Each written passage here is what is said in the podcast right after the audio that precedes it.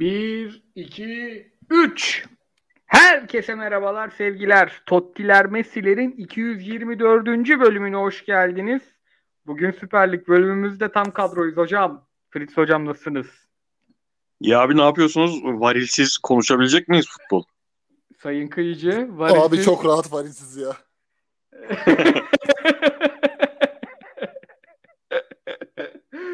bir yandan Varilsiz, Arsenal'imiz... ne yaptığımız gözükmeden 10 numara 5 yıldız.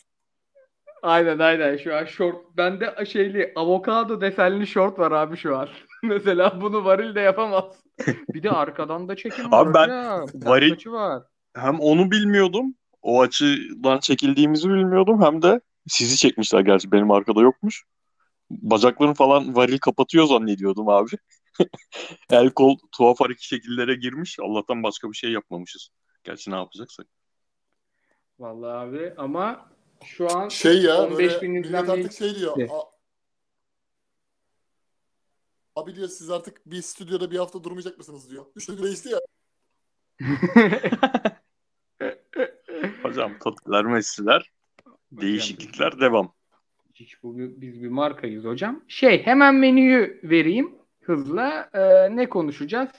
Önce bir Alanya maçına ve Hatay maçına bakarız. Alanya maçı 6'ydı en son. Hatay 2-0'dı ben ee, işte burada sistemi kurarken. Skoru da bir kontrol ederim. Yani maçın bayağı sonuna doğru ee, izledim uzun bir süre. 6-3. Sonra der 6-3 mü oldu? Aynen, 6-3 olmuş. 6-3 Hatay'a bu Hatay ne olmuş? 2-0'dı. Hatay'da 2-1 bitmiş ve 3.5 alt ve Hatay bahsim tutmuş. Evet, e, onun dışında derbiyi konuşacağız. Derbiye bayağı bir soru hazırladım size. Galatasaray Konya'yı zıplayacağız. E, Başakşehir Beşiktaş'a zıplayacağız. Anadolu'dan notlarımız var. Prenslerimizi soracağım. İşte El Kabiler, Okakalar, Karamohlar, Bambalar.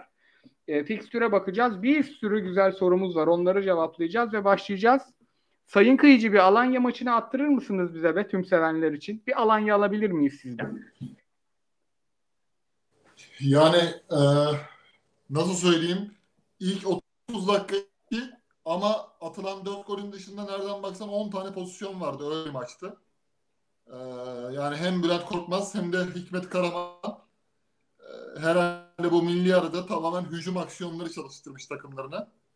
Yani Serkan e, Kırıntılı'yla Jung bayağı zorlandı bugün. E, genel anlamda ben Kayserispor'un savunmasına SOS derler yani düşme hattındaki takımlar için. O seviyede gördüm. İnanılmaz hatalar yaptılar. Corvezios, eski Trabzonsporlu Hüseyin'i, işte zaten Lionel Carroll'u biliyorsunuz Galatasaray'da oynarken de büyük takım seviyesinde değildi. Ee, bayağı kötü bir performans ortaya koydu. 5 4-1 gibi bir dizilişle çıktı Kayseri Spor. Alanya Spor da e, tam böyle hani biz Bülent Korkmaz takımları için diyorduk ya hücum anlamında biraz nakıs bir takım Çağdaş Atan'la işte eski hocalara göre eski hocaların oynattığı Alanya Spor'a göre. Ee, onlar da bu maçta 4-2-3-1 oynadı ama bayağı hücum aksiyonları e, bol soslu bir maç oldu. Davidson nefis top oynadı abi. Yani 10 üzerinden 10'luk top oynadı. Efecan da çok iyi. Ee, yani maç zaten 3-2'den sonra Alanya haldır olur geliyordu. Birden koptu yani. O Santrafor Bristol City'den gelen Diyetu çok değişik bir oyuncu maçı birden 5'e taşıdı. Ee, genel anlamda önümüzdeki hafta Fenerbahçe Alanya maçını iple çekiyorum. Yani futbol anlamında ilginç bir maç olacak kesin. Ya hiç Bülent Hoca'nın takımı hakikaten çok enteresan bir takım oldu orada. Ben de Hatay'ı izledim. Hatay maçında da e, yani çok tek taraflıydı. Böyle orta saha mücadelesi gibi e, baktığında maç ama aslında pek de öyle değildi. E, Antep hiç yaklaşamadı kaleye. E, ve günün sonunda da Antep'le ilgili Hatay- ne düşünüyorsun Erol? Erol'un o biraz şey sorunu var değil mi? Takımı tam oturtma sorunu var hala. Var abi yani e, şey hücum edemediler hiç ya. Hiç hücum edemediler öyle söyleyeyim. Çok kötülerdi o tarafta. Savunmayı da tutmaya çalışıyorlar ama yani şey e, Erol Bulut'u Fenerbahçe'yi taşıyan bir oyun vardı. Bu oyun o oyun değil. Onu çok rahat söyleyebilirim yani. Evet. Hatay'da ge- geçelim o zaman. E, Gayet Lung'a bir değinelim abi. Kaleci Lung. Yani çok efsane performanslarının olduğu bir dönem var. Çok rezalet performanslarının olduğu bir dönem var. Şu şeyi yesen ne olurdu be abi? Bergkamp golünü Cicu'nun. Cicu mu diye okunuyor. Dietu mu diye Evet. okunuyor. Nasıl okunuyorsa o Evet, kardeşimiz. evet. O golü yesen ne olurdu be abi? Aynen. 6 tane yemişsin zaten abi. Onu niye yemedin ya? Aynen. Onu ye. Önümüzdeki hafta ne bileyim iki ye. Yani o, Aynen. o- yıllarca hatırlatır kendini yani o gol. Hakikaten Aynen. müthiş pozisyonda o da. Diyelim derbiye geçelim. Abi derbiyi nasıl konuşacağız? Ee, derbiyi bir kere hocam Instat sponsorumuz tabii ki de verilerle konuşacağız. 2 artı 2 4. Şimdi kolay değil bu işler. Ee, ama aslında ikiye hatta belki iki buçuk üçe ayırmak lazım maçı. Ee, ilk bölüm ilk 24 dakika kırmızı karta kadar olan bölüm bir onu konuşacağız. Ondan sonra kırmızıdan sonra e, Cornelius girene kadar olan bölüm var. Sonra da Cornelius girdikten sonraki bölüm var. Tabii hakemi ve kaleciyi de konuşacağız. Abi şimdi maç başlamadan e, şunu biliyorduk instat verilerine göre. Trabzonspor gol başına yani gol olan atakları en uzun süren takım. 40 saniye topla oynamadan gol atmıyorlar ortalama. En gol öncesi en çok pas yapan takım aynı zamanda. 14,5 pas. Yani bu abiler savunmada o topu yavaş yavaş oynaya oynaya kaleye giden bir takım bu. Karşısında da Fenerbahçe kalesinden en uzakta top kazanan takım. Yani onlar da o pası yaptırmamakla, yaptırmamak konusunda mahir ve hani hem Avrupa maçlarında hem ligde de buna benzer oyunlarını gördük. Ee, bu iki takım karşılaştı ve ilk 24 dakika bence Fenerbahçe çok daha üstündü. Yani e, Trabzon'a oynatmadılar o oyunu. E, ve oraya kıyıcıya atayım pası. Yani sanki kırmızı kart olmasa Pereira'nın e, planı şeyden daha iyiydi gibi. Daha e, tutuyordu gibi. E, Abdullah Avcı'ya göre. Sen ne diyorsun abi? Yani ben e, maçın başındaki Fenerbahçe'nin kadro dizilişinden işte e, yapmak istediklerini Vitor Pereira'nın az biraz anladım. Yani orta sahada biz biraz sertlik yapalım. Kenarlardan da işte Ferdi ve Osay gibi biraz adam eksiltebilen, biraz da süretini kullanabilen e, eldeki oyuncularla işte Mesut Özil'in de forvet arkası serbest oyuncu pozisyonundaki rolüyle işte Trabzonspor'a şok ataklarla yani Galatasaray'ın oradaki 2-0 yakaladığı gibi mevzuyu çözelim de. Aslında bu dediğin gibi fırsat da ayağına geldi Koray. Yani Rossi'nin golünden sonra Mesut'un ayağına gelen bir toplar. Hani orada Net. o golü yapsa yani bak ben şunu söyleyeyim Mesut'la ilgili. Hani bugüne kadar Fenerbahçe taraftarı da bu konuda biraz bölünmüş. Mesut'la ilgili işte hiç sorumluluk almıyor. Tamam artık geçen eee, Ocak ayından beri geldi 6 ay oldu 7 ay oldu hiç Mesut gibi oynamıyor diyorlar da hakikaten yani sen Fenerbahçe'nin Wesley Snyder'ı pozisyonunda geldin.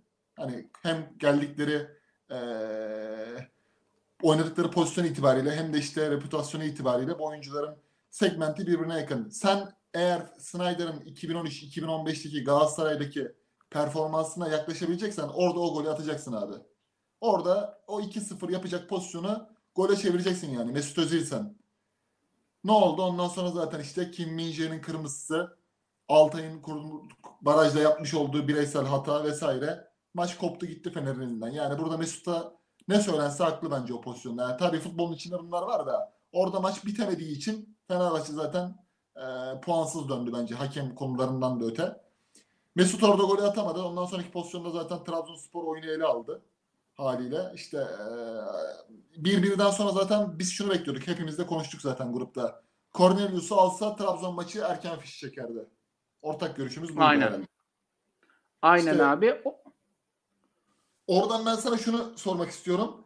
Sence Abdullah Avcı mesela neden Cornelius'u son işte dakika olarak şöyle söyleyeyim işte 68'den sonra düşündü ve Yusuf Sarı'yı soktu oyuna.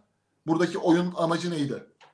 Abi şöyle hatta ben de Fritz'e senin soruna cevap vererek atayım pası artık hocam 250 bölüm oldu yapabiliyoruz bu örgüleri. Şimdi ben e, şunu düşünüyorum maça dair. Fenerbahçe Trabzonspor Fenerbahçe'yi yendi ama Abdullah Avcı Pereira'yı yenemedi. Yani Avcı, Pereira 10 kişi kaldıktan sonra Fenerbahçe Pereira enteresan bir şey yaptı. Rossi'yi merkeze çekti. Gustavo'yu stopere çekti. Bir 5-3-1'e döndü. Bu 5-3-1 tehditkar bir 5-3-1'di. Çünkü Ener Valencia gidiyor. Şey gidiyor Mesut merkezde o topları Serdar Dursun önde top tutabilme ihtimali var. Yani Dursun, bence Serdar girene kadar Abdullah Avcı şey yapamadı. Ya ben ikinci forveti sokayım, oyunu hızlandırayım, tempo yapayım diyemedi. O aynı oyunu devam ettirerek golü bulmaya çalıştı ve girene kadar zaten pozisyonu yok. Yani ben Fritz'e de pası şöyle atacaktım. Abdullah Avcı'nın aslında o 8 puandan e, şampiyonluk veren yıllardır iyi bir oyunla anılan ama sadece bir kupası olan e, Abdullah Avcı'nın aslında bir özetini görmüş olduk değil mi abi? Sanki biraz o riski geç alması e, götürdü işi. Yani 85'te Zalai o penaltıyı yapmasa aslında Abdülkadir'in cılız bir şutu dışında pozisyonu yok Trabzonspor'un. Sen ne diyorsun? Değişikliklerin zamanlaması ve o aradaki dönem hakkında. O aradaki dönemde bence maç Fener'e bakıyordu yani. Evet evet evet abi. Abdullah Avcı kariyer özeti oldu bu maç. Yani hem oyuna başlangıç hem e, rakibin tercih ettiği oyunla kendi oyunun arasındaki e, tamamen o şey e, kendisinin farklı bir yerde duruşu, rakiplerin farklı bir yerde duruşu ve devamında oynanan futbol tamamen Abdullah Avcı'nın e, Başakşehir'e kendisi yükselttiği seviyeden sonra bir tık yukarıya atlayamamasına o takımın şampiyonluğa gidememesine e, sebep olan şey her şeyi bu maçta bize izletti. Bir kere şeyi tebrik ediyorum abi bu catchphrase işini sen var ya gerçekten 100 yıllık şey gibi televizyoncu gibi şey yaptın yani Trabzon Fenerbahçe'yi yendi ama Abdullah Avcı Pereira'yı yenemedi. Çok hoşuma gitti. Hocam Yani bu güzel maçın sözü hocam. Yazdım. Aynen, Vallahi aynen. yazdım okudum hocam. Yazdım okudum hocam. Yemin ederim 2014 Önder Özen'i gibisin yani. Prime Önder Özen gibisin artık. Vallahi Bize de oradan bak. hemen söyle, söyleyecek laf üretiyor senin söylediğin şeyler. Maçın tamamen özeti o oldu. Tabii hani maçların ilk 2 3 4 5 dakikaları maçın e, ruhu tam e, nüfuz etmiyor sahaya aslında. O sırada atılan bir gol Pereira için büyük şans oldu. Çünkü Fenerbahçe tarafında da e, hem 10 kişi kalana kadar hem de önceki 20 dakikada 24 dakikada Pereira'da bir teknik direktör olarak bana ne vaat ediyorsa onu verdi. Golünü attı. Pozisyonunu vermedi. Kırmızı karta kadar tehditkar olmayı başardı. Dediğiniz o pozisyona girildi. Ondan e, hariç iki tane daha son e, final pasından önceki pas yapılabilse o Abdullah Avcı'nın risk alamamasını sağlayacak şeyleri yaptı Fenerbahçe. Yani benim Pereira'dan beklediğim bu. Harika ben bir tek, futbol bir tek abi bir tek eleştirdiğim konu Mesut'a fazla sabrettiği Mihaz Ayçiç'i yedekte hiç oyuna sokmadı. Abi o da yani işte bu zamana kadar gelen tartışmaların hani Fenerbahçe medya e, elemanları da fotoğraf, video falan atmak zorunda hissettiren bir atmosfer oldu ya orada. Aralarında problem var mı yok mu? Şimdi erken çıkarması da e, Vitor Pereira'nın önceki Fenerbahçe dönemi gibi gereksiz e, şeyler getirecekti. Tartışmalar getirecekti. Ondan çekinmiş olabilir. Yoksa zaten benim Mesut'a dair fikirlerim senden çok farklı değil. Genel anlamda e, sadece bu maça özel çok farklı düşünmüyorum. Ama anlayabiliyorum sebebini. Tabii o kırmızı kart sonrası Abdullah Avcı'nın Koray'ın verdiği istatistik bence hem şeyi anlatıyor. O futbolu sevenler olabilir. Bizi artık senelerdir dinliyorlar. Ben sevmiyorum. Hiç sevmiyorum. Temposuz pas futbolunun dünya futbolunda herhangi bir yeri kaldığını düşünmüyorum. Pas futbolunun hala çok önemli yeri var. Ama bu derece temposuz yani gol atmak için o kadar pas, pas yapmak zorunda kalıyorsan sen bir ligin şampiyon takımı olmak çok çok çok detaylara bağlı hale gelir. Ben e, Trabzon'un bu sene şampiyonluk favorisi görüyordum ama bu maçla beraber Abdullah Avcı'nın bu ligde şampiyon olamayacağını tekrar kafama çakan bir performans oldu. Hem 11'e 11 kısım hem de daha sonraki tercihlerdeki çekingenliği, çok fazla beklemesi falanı filanı şeyi yani ekleyeyim aslında abi. çok basit abi. Sen Janeni gibi fuleli oyuncun varsa kenar forvette oynayabiliyor. Yani sende bir lüks var abi. Öyle söyleyeyim hani sen Cornelius'u oyuna soktuğunda dahi Vakayeme çıktığında dahi sallanmıyorsun. Hani Hamşik de yok ama Janeni gibi süratli kenar forvet oynayabilecek bir oyuncun var. Ve o Yusuf Sarı kumarını oynadı. Ya Yusuf Sarı fena oyuncu değil ama 15 dakika 20 dakika anlık parlayacak bir oyuncu. Dediğiniz gibi eğer gol vermeseydi büyük tenkit altında olacaktı Abdullah Avcı.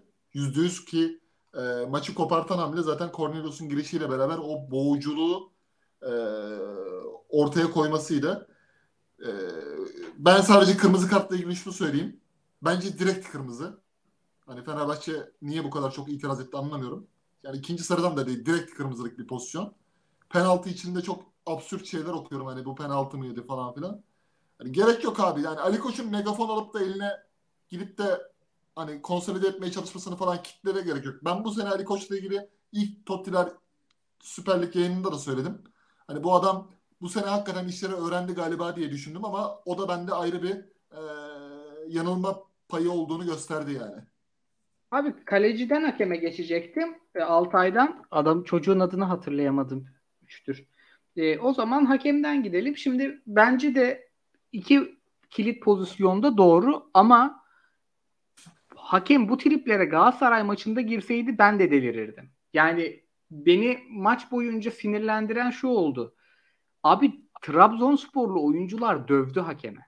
Yani işte bunlar biraz şeyden de kaynaklanıyor. Galatasaray'ın da böyle kadroları vardı. İşte herkes Melo'dan bilir ama Riera'sı, Ebuesi, Uyfalusisi hakemi çok güzel alırlardı kucağa. Yani ne kart görüyor ne kart görecek kadar sert ne de hakemi etkilemeyecek kadar yumuşak. Çok net giderlerdi. Trabzonspor'da da böyle oyuncular var. Vakayeme yani bunu kötü bir şey anlamında söylemiyorum. Kimi oyuncu influence eder abi. İşte Vakayeme öyle ne bileyim e, Hamşik öyledir. Lider bir heriftir. Vitor Hugo Serie A'da bile yapar bunları. Bu tarz oyuncuları var. Buna hakem düşebilir. Bunda bir şey yok. Çocuk, oyuncunun tecrübesi seninkinden yüksek. Ama Gustavo'nun ya yaptıkları mesela çok benzer hareketlerde hakemin davranışları çok farklıydı. Yani cidden penaltıyı vesaireyi geçtim. O davranışlara delirmiştir bence Fenerbahçeliler ve bunu az hakikaten çok somut bir şekilde anlatmak da kolay değil. Yani Trabzonspor'da kart görmesi gereken oyuncular da vardı mesela. Yani çok fazla faullü oynayan ama hiç ceza almayan topçular vardı içeride. Şunu söyleyeyim. Fenerbahçe maçı hakem yüzünden kaybetmedi. Çünkü sonucu etkileyen kararların hepsinde hakem haklıydı. Ama kalan kalan maça yaklaşımı çok kötüydü. Yani biz hakem yüzünden şunu şuna tanık olduk. 25 dakika gayet güzel bir maç izledik. Ondan sonrasını çamura çevirdi hakem. Ve çok gerdi. Maçı sürekli gerdi. Yani aslında bu maçları yönetecek hakemleri görüyoruz Avrupa'da. Yani böyle bizde hakemler gülümseyince olaya hakim olduğunu zannediyorlar. Değil. Ciddi, gülüyor. Tavrı tribi hiç önemli değil. Ancelotti gibi, Ancelotti'nin oyuncu değişikliği yaparken ki hali gibi maç yöneten hakemler görüyoruz. Bunlar çok yetenekli hakemler değil. Ama yüksek tansiyondaki maçları çok rahat yönetebilen hakemler. Bu bir kabiliyet. Bunu buna sahip olmadığını görüyorum ben genç Türk hakemleri. Yani bu bir şey eleştirisi değil. Bu hakemlerle bu lig bitmez değil. Nasıl Taylan sırtı dönükken top aldığında sıkıntı yaşıyorsa bu hakemlerde maçın e, şey arttığı zaman, ateşi arttığı zaman anında kontrolü kaybediyorlar. Tribüne kaybediyorlar, futbolcuya kaybediyorlar. Kaybediyorlar. Yani bu Ali Palabıyık bunun şahbazı. Ali Şansalan böyle. Bir tane daha çocuk var. Adı A ile başlıyor ama çocuk diyorum çok özür dilerim. Genç hakem olduğu için bir tane daha hakem abimiz var. Ee, şey o da öyle. Burada bir hakemlerin bir sorunu var. Yani bu futbolcunun kusuru gibi bir şey. Ben deplasman takımı olsaydım burada taraftarı ben delirirdim yani. Penaltıyı falan geçtim. Ama neden e, hava alanlarına gidildi? Yani tabii ki de takımı karşılarsın. Fenerbahçe bence çok iyi oynadı. Ben mutsuz ayrılmazdım maçtan Fenerli olsam. Ama neden megafonlarla FETÖ METÖ şeyleri yapıldı ben anlamadım. Yani hakem kötü. Abi şimdi haftaya sen Belçika Antwerp'teki maçtan sonra Alanya'ya gidiyorsun. Alanya bugün 6 atmış. Maç kopmadı mesela. Yenildin Alanya'ya. Bu defa ne diyeceksin abi? FETÖ mü diyeceksin ya? Evet yani çok sıkıntılı. 9. haftadayız ya. Kötü. çok mi? katılıyorum. Çok katılıyorum. Evet. Ve Fenerbahçe şu an bak 4 şampiyonluk adayından Trabzon en sallananı harcadığı paraya göre. Namalup gidiyorlar ama şey yani çok kırılgan bir takım aslında. Haftalarca konuştuk. Galatasaray maçından önce de konuştuk. Ee, kaybetmemelerine rağmen Trabzon'la ilgili hep tehlikeleri konuştuk. Beşiktaş çok para harcadı, çok sıkıntılı bir dönemden geçiyor. Galatasaray çok para harcadı, çok kötü oynuyor. Bunların içinde başkanının en son megafon alması gereken eline takım Fenerbahçe. Çünkü net bir teknik direktör takımı. Yaptıkları belli, yapamadıkları belli. Şampiyon olurlarsa iyi bir güçlü bir oyunları var. Olamazlarsa da iki tane bek alırsın. Bir tane orta sahaya Crespo'dan daha ayağı düzgün birini alırsın. Ya da İrfan'ı iyileştirir oynatırsın. Ya da ne bileyim Ozan'ı döndürürsün. Bir yöntemi olan bir bunlar var. Ona rağmen bu kadar gerilmesinin ortamını anlamadım ben. Yani Fenerbahçe'nin en sakin olması gereken sezon. Sen ne diyorsun Fritz? Abi şey dediğin Envakame pozisyonunu çıkar mesela. Hakemin e, Fenerbahçeli futbolculara kullandığı vücut dilini vücut vücut dili Trabzonlulara kullandığı vücut dili bunları çıkar. Ben bu maçta sabaha kadar hakem falan konuşmam. Çünkü pozisyonları Aynen. izlediğimde iki tartışmalı direkt etki eden pozisyonu da izlediğimde ben e, hakemlik eğitimi almamış, hakemlik üzerine normal bir insan olarak, düz bir insan olarak faul gerçekten var mı yok mu anlayamıyorum ha bilmiyorum. O yüzden ben izlediğim zaman net şekilde fikir edinemediğim bir pozisyonda hiçbir hakemin verdiği kararı hiçbir zaman eleştirmem. Ha şeye gıcığım ben böyle pozisyonlar devam etsin isteyen bir insanım. Savunmacılar kendilerini bu kadar kolay yere atmasın diyen bir insanım. Ama orada e, tam tersi karar çıksa da e, kesin doğru karardı o diyemem. Ama o söylediğim vücut dili işi işi bu noktaya getiren Fenerbahçelilerin e, Samandıra'ya gitmesine, megafonların ele alınmasına sebep olan şey. Ha zaten Ali Koç bunları yönetebilseydi, buralardan çıkarabilseydi bir kere Ersun Yanal döneminde şampiyonluğun e, en büyük adayı olarak girdikleri bir devre arasında ligi 7. sırada bitirmezdi zaten. Yani sadece saha içi problemi değildi ki o sezonun da 7. ya da 6. olarak bitirilmesi. Ali Koç buraları hala yani he, her seferinde farklı şeyler deneyerek. İşte ilk sezonu zaten hani küme düşmeyle geçti. Onu bir kenara bırakalım küme düşme yarışıyla. E sonrasında bir e, işte statta küfür edilmesin falan diye başlayıp sonra bir anda sertleşen, sonra ya rakibin kulübesinde Fatih Terim var bizde de biri olsun diye Emre getirilen. E, Emre olmadı Emre gitsin. Her seferinde yöntem değiştiren ve camiasının saha dışına çıktığı zaman o problemi o problemleri kaldırmasını ve saha içine yansımamasını sağlayamayan e, bir yönetici konumunda. Şu an hani ben megafonu falan izlemedim, o görüntüleri izlemedim ama bence biraz daha iyi gidiyor ve halledeceklerdir. Yani Alanya maçında çok yansıması olmayacak bunun. Üst üste olduğu zaman yansıması oluyor. Şimdi Alanya maçında da sıkıntılı bir durum olur ve camia saha içinden dışarıya çıkarsa o zaman sıkıntı başlayabilir. Şu an senin dediğin gibi bu iyi bir teknik direktör takımı. Yani en azından bir teknik direktör takımı. Şimdi Crespo'yu izliyorsun mesela. Hayatımızda ismini duymadığımız bir adam. Portekiz 2. liginden gelmiş. Ama teknik direktörü niye istemiş mesela bu maçta gördük. Belli ki Aynen. sadece bu maçlarda göreceğiz Crespo'yu. Yani mutlu oynayacaktır başka maçlarda da performans verirken teknik direktörünün bir futbolcuyu neden istediğini ha demek ki bu herifi bu yüzden aldırmış bu adam dedirten bir teknik direktörün varsa mümkün olduğunca saha içinde kalmak gerekiyor. Ama tabii ülkenin de gerçekleri var. İşte e, Trabzon'un şu an Trabzon'un güçlü göründüğü bir dönem Başakşehir'in, bir dönem Galatasaray'ın, bir dönem Beşiktaş'ın güçlü olduğu alanlarda bu güçlü olma işini televizyon önünde veya işte megafonla falan değil iş sahaya yansımadan halletmesi gerekiyor Ali Koç'un. O kısmı ım, taraftarına yansıtmadan hallederse bu hakem Fenerbahçeli oyunculara karşı bu hallere giremez zaten. Vallahi yani abi yüzde yüz katılıyorum. Zaten hepimiz aynı şeyi çok farklı yollarla çok güzel anlattık. Öyle düşünüyorum. Hani şimdi bakıyorsun mesela iyi bir hocam var. Kadronda e, fena değil. Kadronda da bek oyuncularında büyük sıkıntı var. Oraya işte Ferdi ile Osayi'yi devşirmiş. Bir şekilde ilerliyorsun. Ben bu 9. haftada Fenerbahçe'yi şampiyon yapmayacaklar. FETÖ devreye girdi bilmem ne. Eline megafon alıp da ya abi sizin gerçekten başkanlarınız yani Aziz Yıldırım dönemine 20 yıl zaten bir fiil tanık olduk. Ondan önce de Alişan falan bu, bu tür adamlar yani Fenerbahçe başkanı pozisyonunu yönetti. Abi pardon ben bu FETÖ konusunu bilmiyorum. Yine Ali Koç mu e, hakemin FETÖ, FETÖ'yle hani ba- ima, ima yaptı. FETÖ'nün parmağı anladım anladım. falan dedi. Yani eğer her camı kırmızı seçeneği var ya her şeyden sonra. Geçen sene de Gençler, Gençler Birliği içeride 1-0 yendikten sonra aynı şeyi söylemişlerdi. Ben Evet. başta ondan bahsediyorsun yani. Oraya gönderme yapıyorsunuz zannettim. Yeni Yok, yok. tekrardan öyle Tabii, bir mevzu yeni, açıldığından sıcak. haberim yoktu. Sı- Sıcak Tamam abi.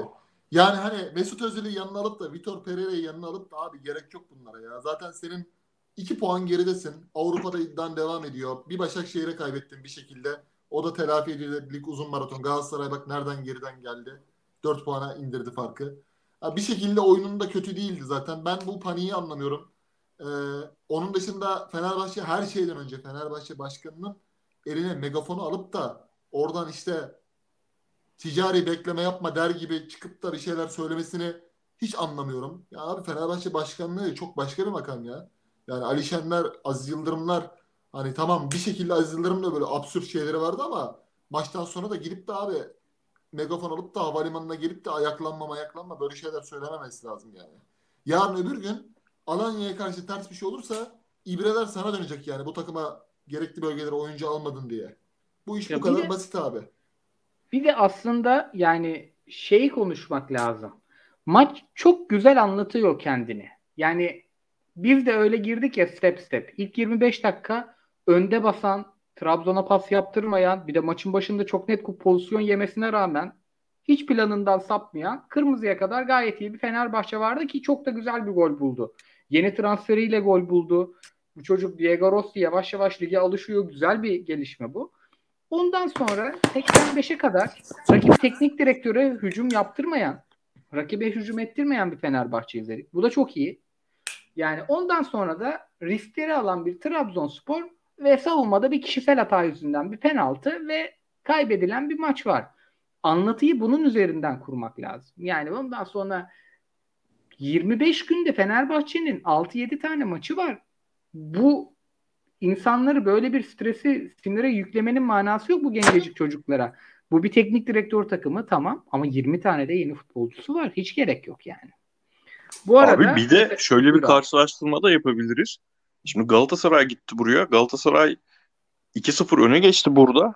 İkinci yarı tabii ki Galatasaray e, hem teknik direktör tercihiyle hem de daha da çok futbolcuların psikolojisiyle biraz yaslanmaya başladığında bu takım çok rahat bir şekilde bu takım futbol oynamaya çalıştığında çok rahat pozisyon bulabilen bir takım e, Trabzonspor. Yani biraz e, teknik direktörünün attığı zincirlerden kurtulduğu zaman bireysel yetenekler rahat rahat yani Galatasaray'a iki tane gol attılar zaten çok rahat bir şekilde.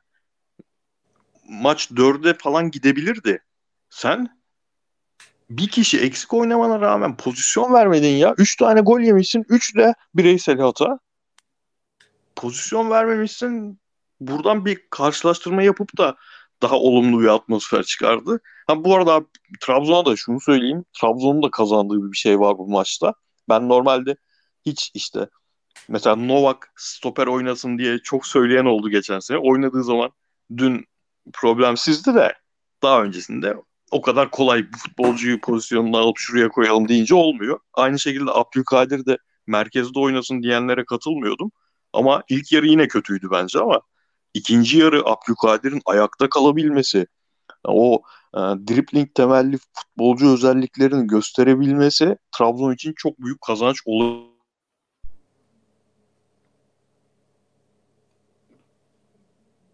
bende mi ses gitti sadece? Yok duyuyorum ben sizi. Ben de. Heh, tamam. Çok net çok büyük kazanç dedin o zaman abi. Tamam bir gitmiş gelmiş bende kusura bakmayın.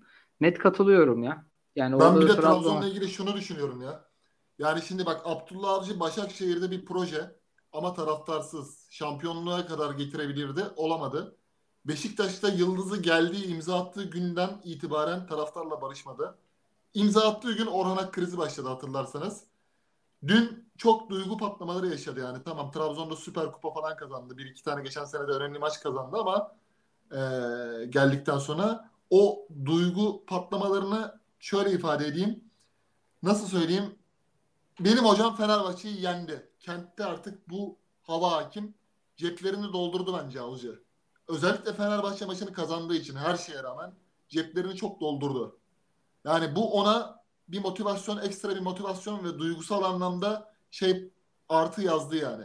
Hani kafaya işte kasket takmalar vesaire basın toplantısında devamlı espriler, şakalar. Avcı da bir rahatladı yani. Trabzon kentinde o güven oyunu aldı şimdi kendi üstüne. Bir de şey çok önemli. Ee, Bakasetas'ın e, bu kadar merkezi rolde Hamşiksiz de oynayabilmesi, bu kadar etki Tabii. edebilmesi çok değerli onlar için. Tabii Çünkü tabii tabii. Hamşik bugün- inanılmaz fark ediyor ya. Bugün yarın tamam e, bu maçlar daha rahat çözülebilir ama ligin sonu geldiği zaman gol sayıları düştüğü zaman bu işte o duran toptaki dokunuşlar o bir uzaktan şutla 1-0 alıp e, eve dönüşler bunlar şampiyon yapıyor. O anlar şampiyon yapıyor. E, şey çok değerli. Bakasetas'ın katkısı çok değerli. Ligin en iyi on numarası şu an. Abi öbür tarafında da Bakasetas'ın öbür tam karşı pozisyonunda da şeyi söyleyeyim. Ee, bazı kısır tartışmaların aslında o tartışmaları yürüten insanların kendi camialarına nasıl zarar verdiğinin özü, örneği olarak e, milli takımda hatalı bir frikik golü yendiğinde Fenerbahçeliler çok kızdı Altay'ı suçlayanlara. İşte Altay 3 kişi, 4 kişi dedi millet dinlemedi falan ama nihayetinde o baraj hatalı kurulmuştu ve Altay mesela Fenerbahçe normalde çok iyi kaleci hocaları olur. O yüzden hep iyi kaleciler bir şekilde çıkartır. Galatasaray hep yabancılara bağımlı kalmıştır. Ama oradan ders çıkarılmamış ki yine eee, baraj kuruldu ve Trabzon maçla hiç alakası olmayan bir anda 10 kişi de kalsa gol atamayacağı, pozisyona giremeyeceği bir takıma karşı çok e, absürt bir gol atarak ö- e, önce eşitliği sağladı. Yani o kısır tartışmalar olmasa suç gerçekten Altay'ın üstüne kalsa çok belki daha çok kafaya takacak. Çünkü bir sürü aşamada Altay ilk çıktığı günden bugüne kadar kendini geliştiren biriydi. Ama ne zaman ki etrafında bir savunma kalkanı oluşturuyorsun ve kısır tartışmalara giriyorsun, futbolcularda, yerli futbolcularda bence gelişimleri o zaman durmaya başlıyor.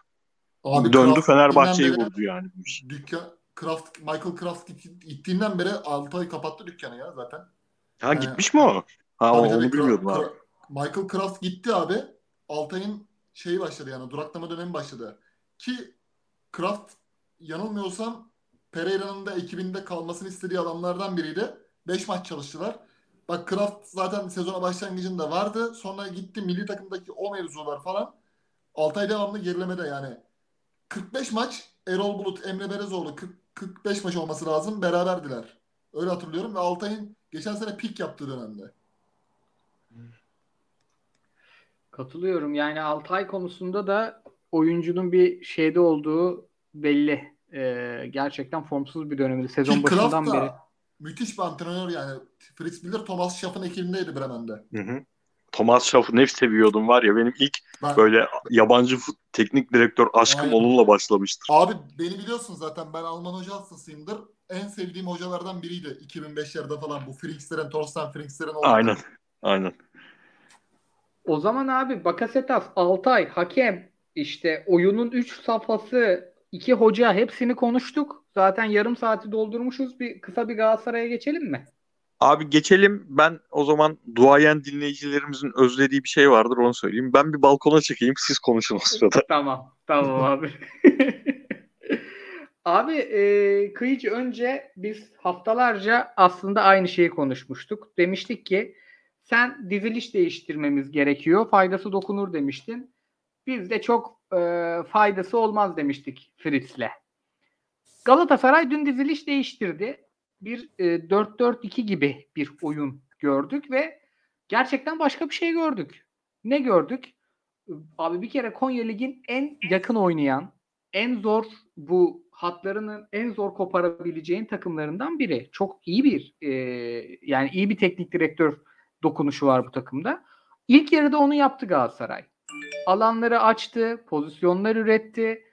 Bence bütün sezon oynanacak bir futbol muydu? Değildi. E, geri dönüşlerde hani Galatasaray bu alanları açınca kendi de pozisyon verdi. Kendi de sıkıntıya girdi ama en azından iyi bir iç saha oyunu izledik. Önce onu sorayım sana. Sence Galatasaray'ın ligde e, ısrar etmesi gereken oyun bu 4-4-2 Halil'in göbekte olduğu işte Moruta'nın, Kerem'in kanatlardan saldırdığı, Muhammed'in golleri yaptığı oyun mu? Yani dünkü maç üzerinde ilk yarıda e, %100 golün dışında yani %100 pozisyon ne var? Halil'in bireysel bir iki pozisyonu var. Tatmin edici bir oyun var mı? Bence yok. Tüm maç genelinde var mı? O da yok. Ama kazanç ne var? Yani işte yenilgisiz bir Konya Spor'a karşı Galatasaray adına absürt bir gol yemeden, kaza kurşunu yemeden maçı 1-0 bitirmek bir kazanç. Özellikle Beşiktaş'ın kaybettiği derbi haftasında, Beşiktaş Fenerbahçe Trabzon maçının haftasında. Bu bir kazanç. Kazançları sayıyorum ben şimdi. Diğer kazanç ne ki? Ee, Mustafa Muhammed yine gol attı. İçeride bir gol attı Rize maçından sonra. Mustafa Muhammed ben buradayım dedi artık yani. Mısır milli takımında da yanılmıyorsam golü var milli arada. Bu bir kazanç. Başka bir kazanç Muslera clean sheet yaptı ve kritik bir kurtarışı var. Amerikalı Yedlin fena oynamadı bu defa. Taraftarla ufak bir nebze de olsa buzları eritti. Yani Galatasaray'ın dünkü maç özelinde 3 puan dışında 3-4 tane kazancı var. Bu bence eee, cebine doldurduğu puanlar, bonuslar diyelim. Ama kayıpları da var. Bu mental anlamda şu. ikinci yarıda %63 topla oynayan bir Konya Spor var. Galatasaray'a karşı. Oyunu dikte eden bir Konya Spor var. Kaçan iki tane net pozisyonu var Konya'nın. İşte biz bugün Instas'ta da baktık. Gol beklentilerinde falan da Konya'nın bayağı hani yüksekti. Yanılmıyorsam 1.20 falan olması lazım. Rakip ceza sahasında topla buluşması falan 25 yerde geziyordu. Yanlış hatırlamıyorsam. Yani böyle bir ortamda Galatasaray'ın eee, Konya'ya o statta giren 20-25 bin seyirci için hani mahkum oynama durumu hoş değil. O zaman da bu şu ortaya çıkıyor bence. Hani Galatasaray hala oyun bazında işte yumuşak kalan, zayıf karnı 6 numarada Taylan ve eee, her şeye rağmen iyi niyetiyle oynayan, elinden geleni vermeye çalışan Çikaldao. Önündeki merkezde kim oynar mesela işte Halil ya da Morutan değişmeni oynadılar dün ikinci yarı. Çünkü oyun 4-2-3-1'e dönünce e, biraz biz geri yaslandık. Kerem'i kaçırmaya çalıştık ara toplarla ama o da pek başarılı olmadı. Kerem çünkü gene e, takımın en kötü oyuncularından biriydi dünkü performansıyla. E, Galatasaray'ın temel bir oyun problemi hala devam ediyor. Bunu gösterdi. Galatasaray'ın kayıplarından biri bu. Yani Süper Lig'de 9. hafta hala Galatasaray'ın bir oyunu yok. Bunu net bir şekilde söyleyebiliriz. Ha biz bunu seninle çok konuştuk. WhatsApp gruplarında da konuştuk. Başka grupların başka gruplarda da konuştuk. Totti'ler, Messi'ler grubu dışında. Ben burada bir şoklama bekliyordum milli aradan sonra. Hani biraz baklava düzeni, Kerem'in olmadığı bir yapı. Denenebilir diye düşünüyordum. Hani olur diye değil de belki olmayabilirdi ama denenebilir diye düşünüyordum. Onu hoca gene e, ön tercih kullanmamış. Konya'nın 4-4-2'sine, Palut'un 4-4-2'sine karşı kendi oyun planını aksetmeye çalışmış. Ee, zor bir fikstüre girecek Galatasaray şimdi. Tabii Lokomotiv Moskova üstüne Beşiktaş işte oradan Antep'le oynayacak. Sonra Karagümrük'e gidiyor. Yine bir Moskova maçı var. Yani nasıl olur, ne şekilde bu oyun düzelir inan ben de bilmiyorum Koray. Hani bunca yıldır Galatasaray izliyorum. Biz şu an mesela körlemesine gidiyoruz oyun bazında. Hani bir ışık, ışık olarak bir şey bana demiyor ki şunu yaparsa Galatasaray iyi olur. Çünkü elindeki e, faktörlerinden vazgeçemiyor. Kerem'den vazgeçemiyor. Pierre Van Aanholt'un vasat performansından vazgeçemiyor. Taylan'ın yumuşak karnından, Taylan'ın maçın 15. dakika, 20. dakikasında Sarı'yı görüp de kendine o kilit attırmasından vazgeçemiyor. Moruta'nın 60. dakika oyundan çıkmasından vazgeçemiyor. Moruta'nın hala 10 numara mı, sağ çizik oyuncusu mu, ne rolde oynayacağı durumundan vazgeçemiyor hoca. Böyle karamsarlıklar var. Yani biz şey düşünmeliydik şu an. Bizim bir oyunumuz var. Evet. Bizim oyunumuzda biz içeride de dışarıda da oyunu dikte edebiliyoruz. Görebildik bunu. Milli ara dönüşü tam da tersi coşkuyla başladık. Ligin güçlü takımlarından biri Konya Spor'a üstün oyun oynadık. Bunu hissettik diyebilmemiz lazımken biz hala mesela Markao'ya dönünce topla geriden çıkabilir miyiz? Boya gelince acaba kenardan oyun kurmada eğilimler yükselebilir mi? Bunları hayal ederek bir şeylere tutunmaya çalışıyoruz. Hani ben Galatasaray timeline'ında da bunu görüyorum mesela Twitter'da. Ee, şöyle uz- çok uzattım ama şöyle bağlayayım. Estağfurullah abi. Hani Galatasaray ilk defa acı tatlı yani. Acı tatlı. O şekilde gidiyor. Bir oyun oyun olarak bir ümit vermiyor. Bu nasıl düzelir? hani ben hep tarih atıyorum kendime. Kasım'da düzelir, Aralık'ta düzelir diye de hani bu mental yapıyı ve e, güçlü oyunu bulmak daha da zorlaşabilir diye düşünüyorum. Çünkü e, Marka ile Boya geldikten sonra cepken cepte bir şey de kalmayacak. Hani Marka ile Boya gelince de düzelmezse o zaman işler çok sarpa sarar. Umarım e, bir sonraki milli araya kadar gerçekten kendi kimliğimizi oturtup bir e, iç saha oyunundaki en azından dominat, dominatlığımızı yükseltebiliriz. Abi şöyle ben de sen benim ikinci sorumu da cevaplamış oldun. Ee, şöyle ekleyeyim ben de. Şu an şampiyonluğun dört tane adayı var. İyi de oynayan birkaç tane takım var bunların dışında. Ee, işte biri Fenerbahçe üçlü savunma oynuyor. Topu kalesinden uzakta kazanıyor. Ondan sonra çok mu yaratıcı topla? Hayır. Çok mu oley çektiriyor mu böyle? Hayır. Ama o kaleye bir şekilde iniyor, hızlı iniyor ve golü öyle bulmak istiyor ve sağlam bir savunma yapmaya çalışıp beceremiyor. Bekleri kötü vesaire. Yapabildiği belli, yapamadığı belli. Trabzonspor. Anlattık Instat'tan aldığımız istatistikleri. Topla oynamak istiyor. Çok yetenekli ayakları var. Onları savunmak, korumak istiyor maç içinde. O yüzden tempoyu düşürüyor ve skoru öyle gidiyor. Ve bunlar yenilmiyorlar bu sayede de. Yani namalüp Trabzonspor. Abdullah Avcı'nın şampiyon olamama sebeplerini konuşuyoruz hep ama bir şey yap, yaptıkları da çok doğru bir oyun var aslında. Evet. Beşiktaş'ı konuşuyoruz. Beşiktaş ne anlatıyor? İyi bir önde baskı, iyi bir oyun ezberi. Top kendisindeyken çok fazla oley çektirmeye ihtiyaç duymadan topu Gezzali ile, Teşeyra'sıyla, işte Batshuayi'siyle, Rozier'iyle hızlı buluşturup çok yetenekli ayaklarıyla iş çözen ve çok keyifli bir futbol oynayan bir takım canlanıyor. Ve bu yüksek tempo yüzünden çok sakatlık oluyor. İşte bazı maçları iki oley çektirseler kazanabilecekken 3-3'e dönüyor. Yaptıkları belli, yapamadıkları belli. Galatasaray'a hiçbir şey anlatamıyoruz. Bu takım savunmayı çok önde kuruyor mu? Yani en iyi oynadığı maçlarda kurmuyor. Lazio'da kurmuyor. Marsilya'da kurmuyor. Trabzon'da kurmuyor. Bu takım çok yüksek baskı yapıyor mu? Hayır. Ligin en iyi baskı yapan takımlarından biri değil. Bu takım çok pas yapıyor mu? Yani maçına göre değişiyor. Beklerken de iyi oynadığı var. Top oyun, pas yaparken de iyi oynadığı var. Ama bunlar hep 3 dakika 5 dakika. E, 60 dakikası yok.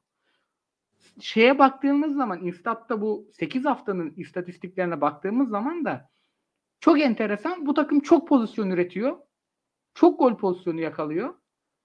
Az atıyor. Çok kolay gollüyor. Hiç duran top kullanamıyor. Galatasaray'ı başka anlatabileceğim bir şey yok. Pozisyonu her maç farklı şekilde üretmiş. Yani ve işin kötü tarafı şu.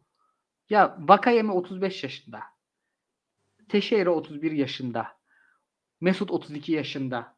Bunlar bu ezberlere en az ihtiyacı olan oyuncular. Morutan daha bak tek hep bunu şakasını yapıyorum. Morutan ilk defa çıktı ülkesinden.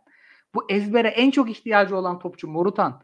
En çok ihtiyacı olan Kerem Erzincan'dan geldi. En çok ihtiyacı olan Alper Keçiören'den geldi. En çok ihtiyacı olan Mustafa Mısır'dan geldi.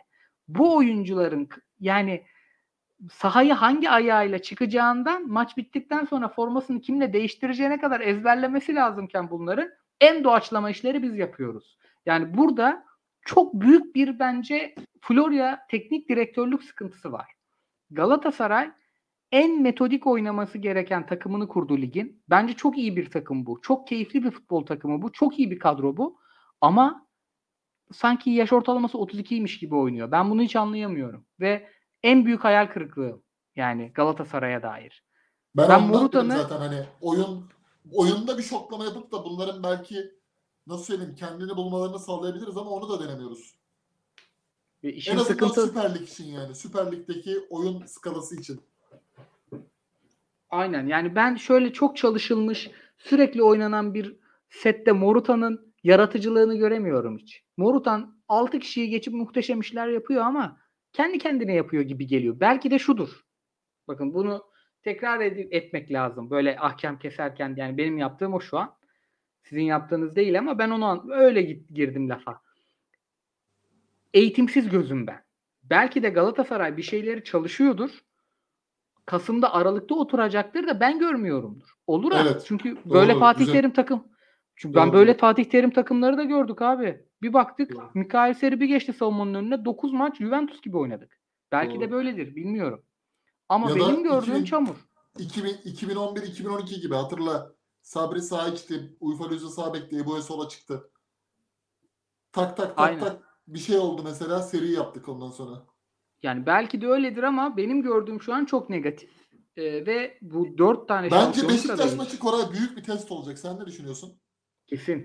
Kesin. Çünkü e, Beşiktaş'ta tempo var.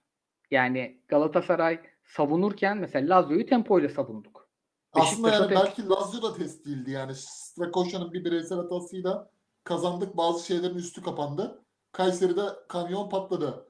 Ama Beşiktaş senin direkt rakibin ve gerçekten seviyenin gerçek testi de bu olabilir yani. Lokal lokal olduğu için, yarısel olduğu için. Tabii tabii.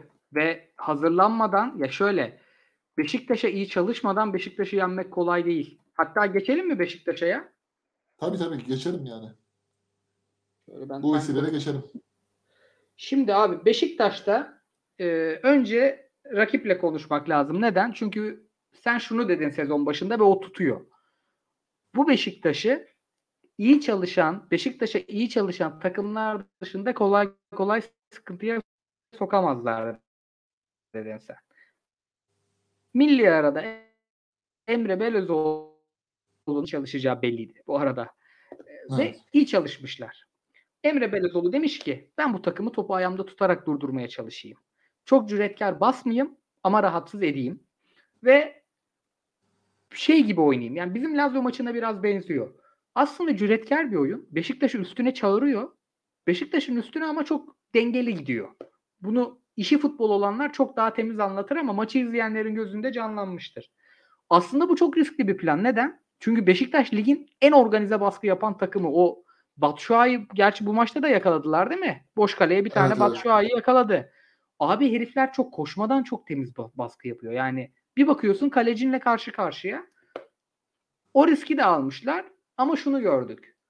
Bence dönemsel bir sorun bu fizikle alakalı. Beşiktaş o kadar net basamadı. Yani güç olmadığından, enerji olmadığından zaten Atiba diğer milli araya kadar yokmuş. Sakat sakat oynamış. Oğuzhan da yani kusura bakmasın da çok geberik. Abi Beşiktaş stopere basmamaya başladı. Beşiktaş o baskıyı yapmadığında da yaldızları dökülüyor. O zaman şu çıkıyor ortaya. Ya bu stoperler fizikli bir forvete karşı zorlanır mı? O Kakaçuka darmadağın etti.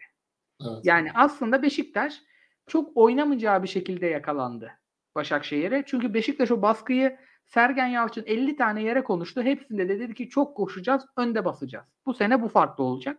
Onu hiç yapamadılar. Sen ne diyorsun maça dair? Ben yani farklı bu bir yol kazası ama eğer bu fizik durumu Sporting Lisbon maçında da devam ederse sıkıntı var. Yani bu bir küçük bir kaza. Herhalde şoförde sorun yoktur diye düşünüyorum ben. Şimdi senin söylediğine katılmakla beraber ben de kadrolara açıklanınca Emre Belezoğlu olduğu için hani Başakşehir'i en iyi bilen insanlardan biri. Yani Göksel Gümüşler bir numaraysa herhalde Mustafa Ereğici iki numaradır CEO. Emre Belezoğlu üç numaradır. Kulübün eee, kurumsal hafızasıdır Emre Belezoğlu. Hani hem oyuncuları en iyi bilen hem de onları en iyi tanıyan isimlerden biri. Hani Aykut Kocaman dönemindeki Çayşara kadro dışıyla mesela hemen sağ attı. Önüne Vişka'yı koydu. Hani eski günlerdeki gibi dedi herhalde beyler soyunma odasında. Kaleye Volkan Babacan'ın önüne Epruyano'yu koydu. Niye? Epruyano kocaman döneminde hem sakat hem de Ravi ile formayı kaptırmıştı hatırlarsın. Epruyano geldi. Ben buradayım dedi yani. Savunmanın lideri yine benim dedi. Orada hem Endiyişime'yi rahatlattılar.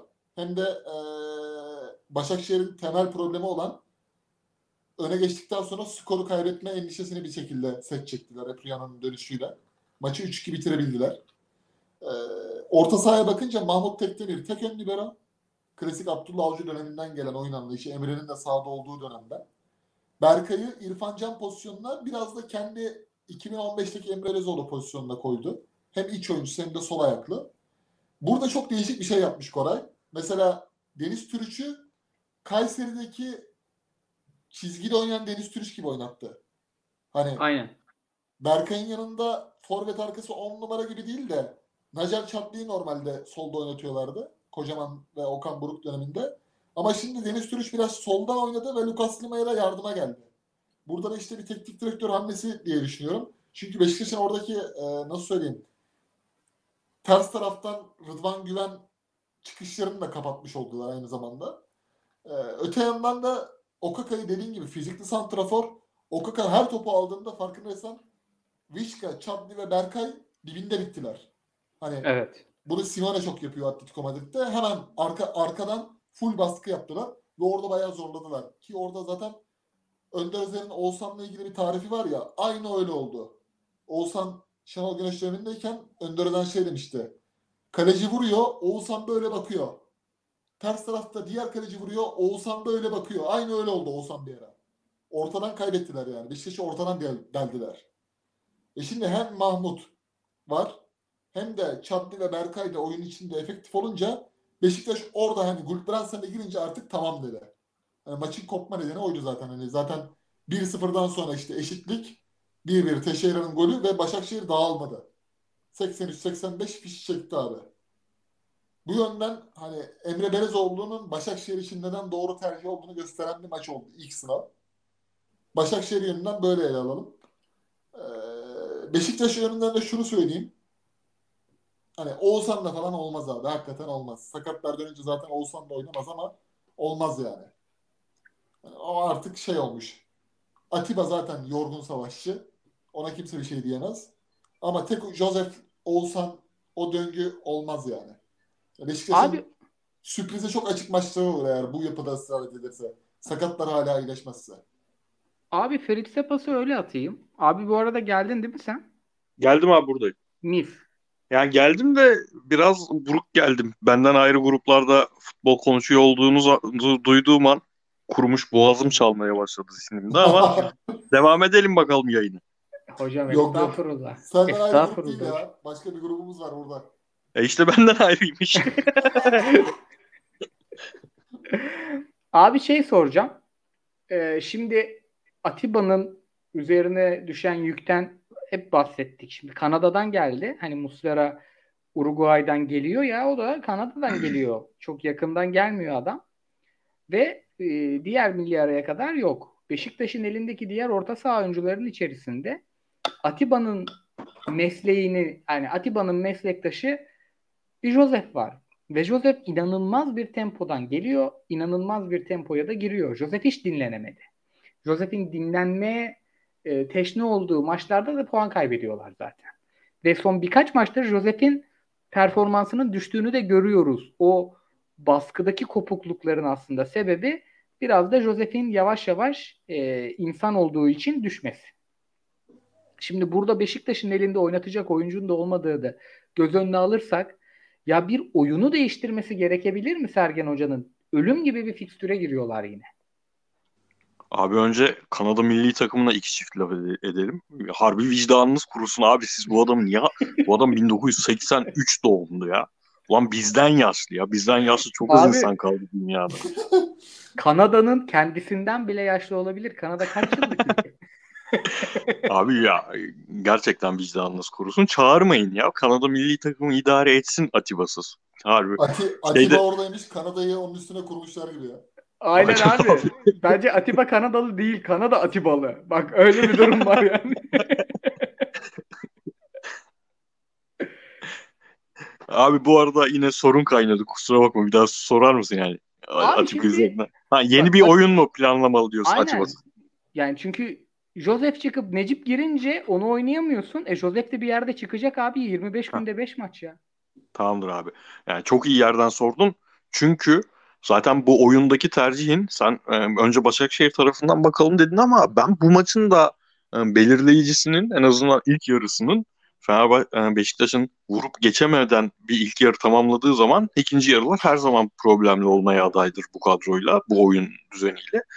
E, Beşiktaş tarafından konuşulması gerektiğini düşünüyorum. Çünkü oyunu belirleyen Sergen Yalçın'ın e, senin söylediğin baskı tercihi oldu. Yani hem savunmayı bir tık geride kuracak hem de o agresif baskıyı yaptırmayacak. E o zaman Sergen Yalçın takımından bahsedemiyor hale geliyoruz. Hatırlarsınız e, Malatya başındaydı sanırım. Alanya mıydı Malatya mıydı diye düşünüyorum da sanırım Malatya'ydı. Sergen Hoca Malatya başındayken İnönü'ye geldi ve kazandı. Maçtan sonra da böyle oynadığı futboldan hiç mutlu olmayan bir teknik direktör olarak çıktı. Ee, yayın şeyin Bein Sports'un karşısına şey dedi. Yani ben bu, bu zamana kadar hiç böyle 8 kişiyi kale önüne dizip ceza sahası önüne dizip savunma yaptıran bir hoca değilim ama bu ülkede madem böyle maç kazanılıyor ben de böyle oynarım artık falan dedi. Evet evet. Ona benzer bir değişim vardı bu maçta. Tam da senin söylediğin sebepten bence. Atiba çok formsuz girdi. E, e, sonunda yaşını belli edecek futbolluğu mu oynayacak bütün sezon diye düşündürüyor. E, Kanada'ya gidiyor geliyor. Joseph inanılmaz büyük var omzunda. Bir sürü sakat geliyor. Acaba Gezal, Rozier bilmem ne bu adamlar kaç tane antrenman yapmış bilmiyoruz. E, hoca biliyor. O yüzden daha muhafazakar bir oyuna gitti ve e, bu oyunun bu takımla olmayacağı çok net görüldü. Çünkü e, stoperleri yıldızlaştığı dönemler stoperlik yapmadıkları için yıldızlaştılar. Bu oyuncular stoperlik yapmak zorunda kalırsa Vida dahil yani belki de ligin en yüksek profil stoperlerinden ama Vida dahil çok iyi stoperler değil bana göre. E, bu oyunu tercih ettiğinde de bütün bunları yapmak zorunda kalıyor bu oyuncular. E, bireysel olarak herkes kötüydü. E, Sergen Yalçın'ın farkı bireysel olarak kötü olabilecek, e, onun, onun öncesinde kötü olan oyuncuları zaaflarını göstermemeye yönelikti. E, belki de Emre Belözoğlu'nu tanıdığı için de biraz muhafazakar davrandı. Hani bunlar topu ayağında tutma, tut, tutmak ister, futbol oynamak ister. Ona göre bir plan yapayım dedi ama tutmadı. Ee, ve Beşiktaş'ın bir sıkıntısı şu sanırım. Bir anda aslında hiç aklında olmayan, sezonun planlamasında olmayan bir oyuncu Pjanic bu oyuncuya bağımlı hale geldi abi. Hiç aklında olmayan oyuncuya bağımlı hale gelmek hem kötü bir şey hem de zor bir şey bir teknik direktör Aynen. için. E, eve ilk PlayStation'ı 35 yaşında aldım ve şu an öyleyim. Anlayabiliyorum Sergen Hoca'yı. Gamepad'in şarjı bitince canım sıkılıyor evde.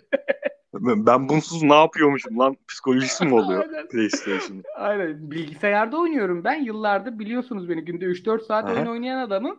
PlayStation başka bir konformuş. Şimdi ya kim açacak bilgisayarı da oynayacak? Aynı oyun bilgisayarda da var yok. PlayStation'ın şarj kolun şarjını bekliyorum şimdi. İşte bir de Salih'le o zaman... alakalı bir sıkıntı var abi. Salih mesela Oğuzhan'ı bu Oğuzhan'ı kesemiyorsa o zaman Salih de biraz kendine bakması lazım. Sergen Yalçın sana şans verdiği zaman iyi kullanman lazımdı. Abi milli ara öncesi Oğuzhan'ın iki maçı var ya.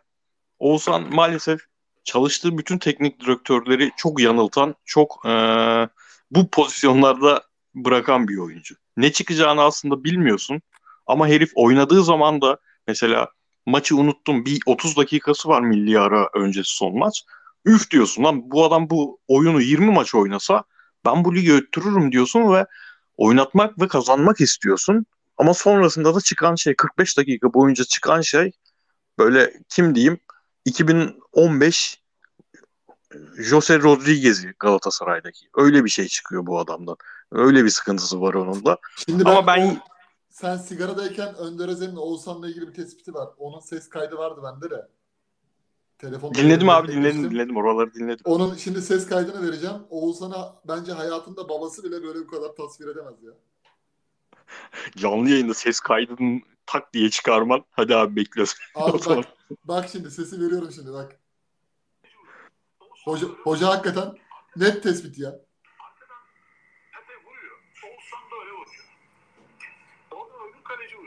Oğuzhan böyle bakıyor topa. Alamazsınız. Net ya. Oğuzhan'ın 90 dakikadaki klasik hareketlerinin özeti yani şu açıklama. Olan yalnız bir şey söyleyeyim mi? Bunu böyle anlatabilmek hakikaten tabii. çok yetenekli bir adam ya Önder Hoca. Tabii tabii. Önder Hoca devamlı. Büyük yetenek. Gerilen Eker gibi yorumculuk yapacak ya sadece. Şey soracağım size. Şimdi hocam biz bu soruları hani oyun değişmeli mi falan filan derken sırf soru sormuyoruz hocam. Altında bir metin var. Bu Zeki Demirkubuz gibi hazırladık podcast'i. Abi şimdi Beşiktaş'ın iki tane ayağa top yapan beki var mı? Rıdvan'ı var, Rozier'i var. Evet. Orta sahasında iyi eyvah, eyvah. numara var mı? var. Pjanic'i var, şusu var, busu var. Oynatırsın. E, sağ tarafta oyun kurucusu var. Sol tarafta sprinteri var. Önde golcüsü var. Ya bu takım bir Josef'siz bir 3-4-3 oynamaz mı ya? Abi Oynar. ben şu an maalesef maça bakıyor musun Koray? Hayır şu abi an ben de takıldı. Koydum. gol mü yedik? Yediniz. Abi yediniz bir de ben tekeden yediniz ona gülüyorum ya. Hocam ben de duvarda adalet yazıyor ona gülüyorum ya şu an. Böyle bir şey yok. Yeter be birader. Ha daha Venezia- 49 abi. Venezia- 4-1. Abi Fiorentina'ya verdim ya. Elimin kemiğini ya. Sen ne Fiorentina'ya oynuyorsun? Venezia'ya yeniyor ya. Yeniyor mu Venezia? Yeniyor yeniyor. Okereke girdi. Bruges'deki Okereke vardı ya. Aynen. Gabriel bu çalım yenmez birader. Olsun olsun 4-1 kazanırız ya. Daha dakika 49 hocam ne olacak ya? Arsenal'imiz yakalayacağız Yalnız abi United'ı. Bu Venezia'nın bu seneki forma tanıtımında giydiği formaları gördünüz mü? Yok abi Yok görmedim ben. Ben atarım sana da buraya görüntü aklımın görüntüye gitti. Görüntüye verelim diyecektim az daha. Rejiye seslenelim. Rejiye. Bu arada Abi e, dünkü yayına ilgi gösteren herkese teşekkür ederiz. Çok güzel tepkiler aldık. E, gerek yorumlar, gerek beğeni, izlenmeler falan. E, herkes sağ olsun. Hani umarım böyle her hafta sürer yani. Herkese teşekkür Valla ederim. düzenli dinleyicilerimiz zaten geliyor. Düzensiz dinleyicilerimiz de canlı yayınımıza buyurursa. Koray bu arada kusura bakma abi sanki biz muhabbet aşamasına geçtik podcast'in. Şimdi Beşiktaş'a üçlü dörtlü konuşmayacağız gitme abi. geldik ya. siktir et. Haftaya zaten Sporting Lisbon üzeri maç var. Galatasaray maçı var. Zaten nalına mıhına konuşuruz 8 saat. Boş ver üçlüyü beşliyi. Onu her zaman konuşuruz. 10 dakika zaten Başakşehir Emre Belezoğlu falan konuştuk. Yeter yani bu kadar. Aynen aynen abi. Sergen bu kadar konuşmamıştır maçı zaten. Ya tamam Nuri Şahin, Lisbon'a bakalım. Nuri Şahin Antalya futbolu bıraktı mesela. Bunu konuşalım abi. Bu nasıl bir kariyer planlaması be abi? Tak diye Kim bırakmış abi falan. futbolu? Ben anlayamadım. Fut- futbolu bırakmış. Ha aynen çok hoca. tuhaf çok çok tuhaf ya. Şumidika geldi. Şumidika hocamızı Abi Şumidika Tekrardan. inanılmaz ya. Ter, Şumidika yetmezmiş gibi bir de tercümanı çıktı. Bu herif para göz neler diyor dışarıda Türkiye hakkında. Aynen öyle abi. mi? Aynen aynen. Evet evet. Eski te- tercümanı öyle açıklama mı yaptı? Eski tercümanı aynen aynen. Panulu ailesi gibi kab- kabile ya herifler. Çok iyi oldu abi. Kulüc'da da iyi gidiyormuş aslında. Yine böyle başka türlü sıkıntılar Abi- yüzünden kovulmuş herhalde. Şimdi tamam mı? Sen hani artık buranın Cici Multescu'su oldun belli yani. Ki Cici Multescu'yu Samsun Spor'da severdim ben. Ağır başlı bir adamdı. Bu tam şovmen de.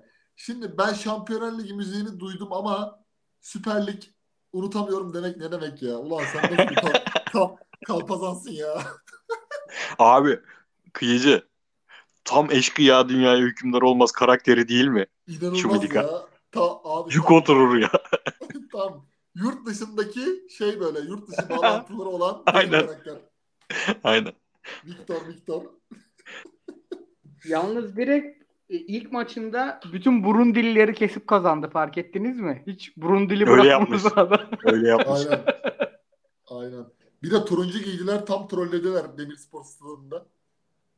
Aa doğru. Abi, Adam topçudan net anlıyor canım. Şimdi tamam şovmen tarafını konuşuyoruz. Eğlenceli tarafını konuşuyoruz adam da topçudan net anlıyor herif ya. Abi ben de şunu anlamıyorum. Bu herif Romanya'da Christoph Daum bile ne alakaysa Romanya milli takımını çalıştırdı bu 5-6 senede. Bu herif Vaslui döneminden beri var. Neden Romanya milli takımını vermiyorlar? Anlayamadım ya mevzuyu. Abi sen verir misin ya? Aynen sen olsan seversen. veririm. Oranın Yılmaz Vuralı da Abi, Abi yani- kimseyi şey zan altında bırakmak istemem ama milli takımlarda menajer ilişkilerini falan biliyorsunuz. Yani adam güvenilir bir adam olsa bile demeçleri o güveni vermiyor ya.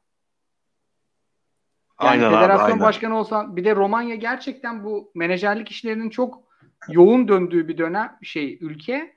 Yani orada böyle Ahmet Mete Işıkara modeli bir teknik adam lazım yani. Abi adamlarda bir kulübün başkanı, sahibi takıma aşı olmayı yasakladı ya. Öyle bir ülkeden bahsediyoruz yani. Tabii tabii. Ya abi Lucescu da öyle mesela 80'lerden sonra Romanya milli takımına bir kere bile gelmedi yani. Herkes çalıştırdı o takımı. Lucescu da mesela şimdi Türkiye'de böyle bir şey olsa Ulan senin hocan Shakhtar Maktar bir sürü yerde gitmiş. Türk milli takımını çalıştırmış. Romanya'ya giremiyor yani. Abi Romanya Hacı şey mesela. E, Hacı'yı düşün. Hani biz diyoruz ya hani bizim teknik şimdi Stefan Kuntz geldi. işte sistem kuracak. Yok bilmem ne altyapılardan bir yapı kuracak falan diye gazlıyoruz Kuntz'u. Kuntz sanki şey o da Abdullah Avcı modeli. 60 yaşında genç teknik adam muamelesi görüyor. evet evet. E, şimdi Romanya'da bunu yapmış adam Romanya'nın en büyük futbol efsanesi Hacı. Kurdu, şampiyon oldu o, o akademiyle. Ama Hacı'yı da düşünmediler. Enteresan yani. Abi Hacı şeyden sonra sanırım artık teknik direktörlük işini biraz şey yaptı mı? Adnan Polat, Adnan Sezgin ikisi, ikilisiyle çalıştıktan sonra herhalde baba bana yeter kendi takımımı çalıştırırsam çalıştırırım falan diyordur. Kendini Tabii kovdu diye ya. haber vardı. Kendini kovdu görevden aldı. Hacı'nın bir, bir yerle böyle adı geçti ama 5 büyüklükten bir takımla adı geçti. Kimle geçti? Fransa liginde biri ya. Kim? Fransa liginde bir takımdı. Fransa Fransa doğru Fransa. Yeni mi Marsilya geçti olan- abi? Yok abi geçen sene Marsilya ile Ha. alınmıştı bir ara. Claude Puel ko- kovuldu da bugün. Acaba ora mı dedim. Marsilya ile anılmıştı doğru doğru. Vitor'un da yaptıklarından dolayı oraya yazılmıştı. Valla Abi o zaman- Marsilya'nın başına Hacı geçse ben hani Hacı'yı teknik direktör olarak sevmem. Ama insan olarak çok sevdiğim için Marsilya'yı da sevdiğim için böyle bandana bağlamalı Marsilyalı olurdum vallahi. Abi Skibe'nin ayrıldığı UEFA serüveninde 2009 ben Bülent Korkmaz'dan önce Kocaeli maçına Hacı gelmişti Popescu ile. Tamam dedim ya sabah Hacı'yı açıklarlar. Bülent Korkmaz çıktı şapkadan. Ben Ki deli gibi desteklemiştim. Şimdi hep şey konu yabancı teknik direktörler işte Alman olsun falan diyorum ya. Skip ve kovulsun diye ne kadar dua etmiştim ya. Abi ben sabahleyin kalktım. Girdim Bülent Tümürlek'in Akito Balsamico. Bir baktım abi. Pep Guardiola, Bülent Korkmaz. Hemen sarı kırmızı beyaz atkıyı doladım boynuma gittim. Maça bilet aldım ya. Bordo maçına. Ha Bordo maçında tribünde miydin? Ben de tribündeydim. Vay duayen Galatasaraylısınız hocam. Ben Abi restoranda Hamburg- izlemiştim. Allah kahretsin Hamburg maçına da gittim. Ben de. Berbat berbattı ya var ya. Hayvan O- gibi ıslandık. O maç mıydı Helsingborg muydu? O sene bir maçta hayatım kaydı benim. Eve Hay- dönemedim Helsingborg-. İki sezon önceydi. 2007-2008'de. Aynen aynen. Helsingborg o zaman orada da çok yağmur yağmıştı ama.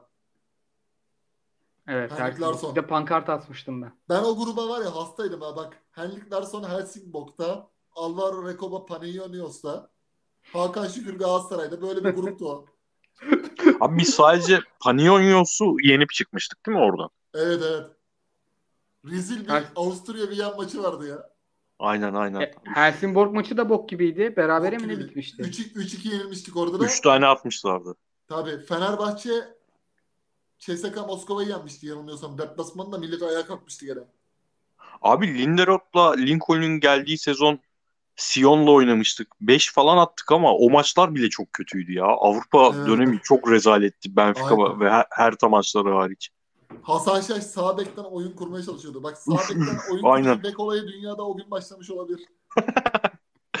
Ama Hasan'ın oyun kurma şeyi de tabii kariyerinin o döneminde şey topu sağdan alıp Tabii tabii. enine dripling. Sağdan alıp enine dripling yaparak sola kadar gelmek. Aynen. Isık, Sağ- ıslıklanmıştı sağdan- değil mi o abi- maçta o? Sağdan alır, götü koyar, dönebilirse döner, dönemezse bir daha yanındakine verir, bir daha alır. Bu defa da İbrahim Üzülmez gibi kafayı kaldırmaz, çalım atacak gibi yapar, top sürer. Aynen kariyer. Abi ıslıklanma şeyle olmuştu sanırım. Önce Ama- bir iki fotoğraf düştü. Göbekli hali böyle forma Evet, evet. iyi çıkardı. Göbekleri falan, göbeği falan göründü. Öyle hafiften kurulmaya başladı taraftar. Sonra olmuştu biraz. Geçen gün Atakan Kurt'u izliyorum abi. O sezonun niye pat- patladığı belli. Orkun Uşak vardı konuk. Aa ben onu görmedim. İzle abi. Gece dörtte diyor. Ne Ümit diyor? Karan geliyor. Gece dörtte Ümit Karan diyor çıkmış bardan gelmiş diyor. Masaja yatıyor diyor. Kahve mavi yapardık ki ayılsın diye diyor. Biz de Ümit Karan'dan gol bekliyoruz anasını satayım. Ümit'in Maçka'da mekanı olduğu dönem değil mi? Mekan Aynen, sahibi aynen. olduğu dönem. A- aynen. Frappe miydi öyle bir şeydi.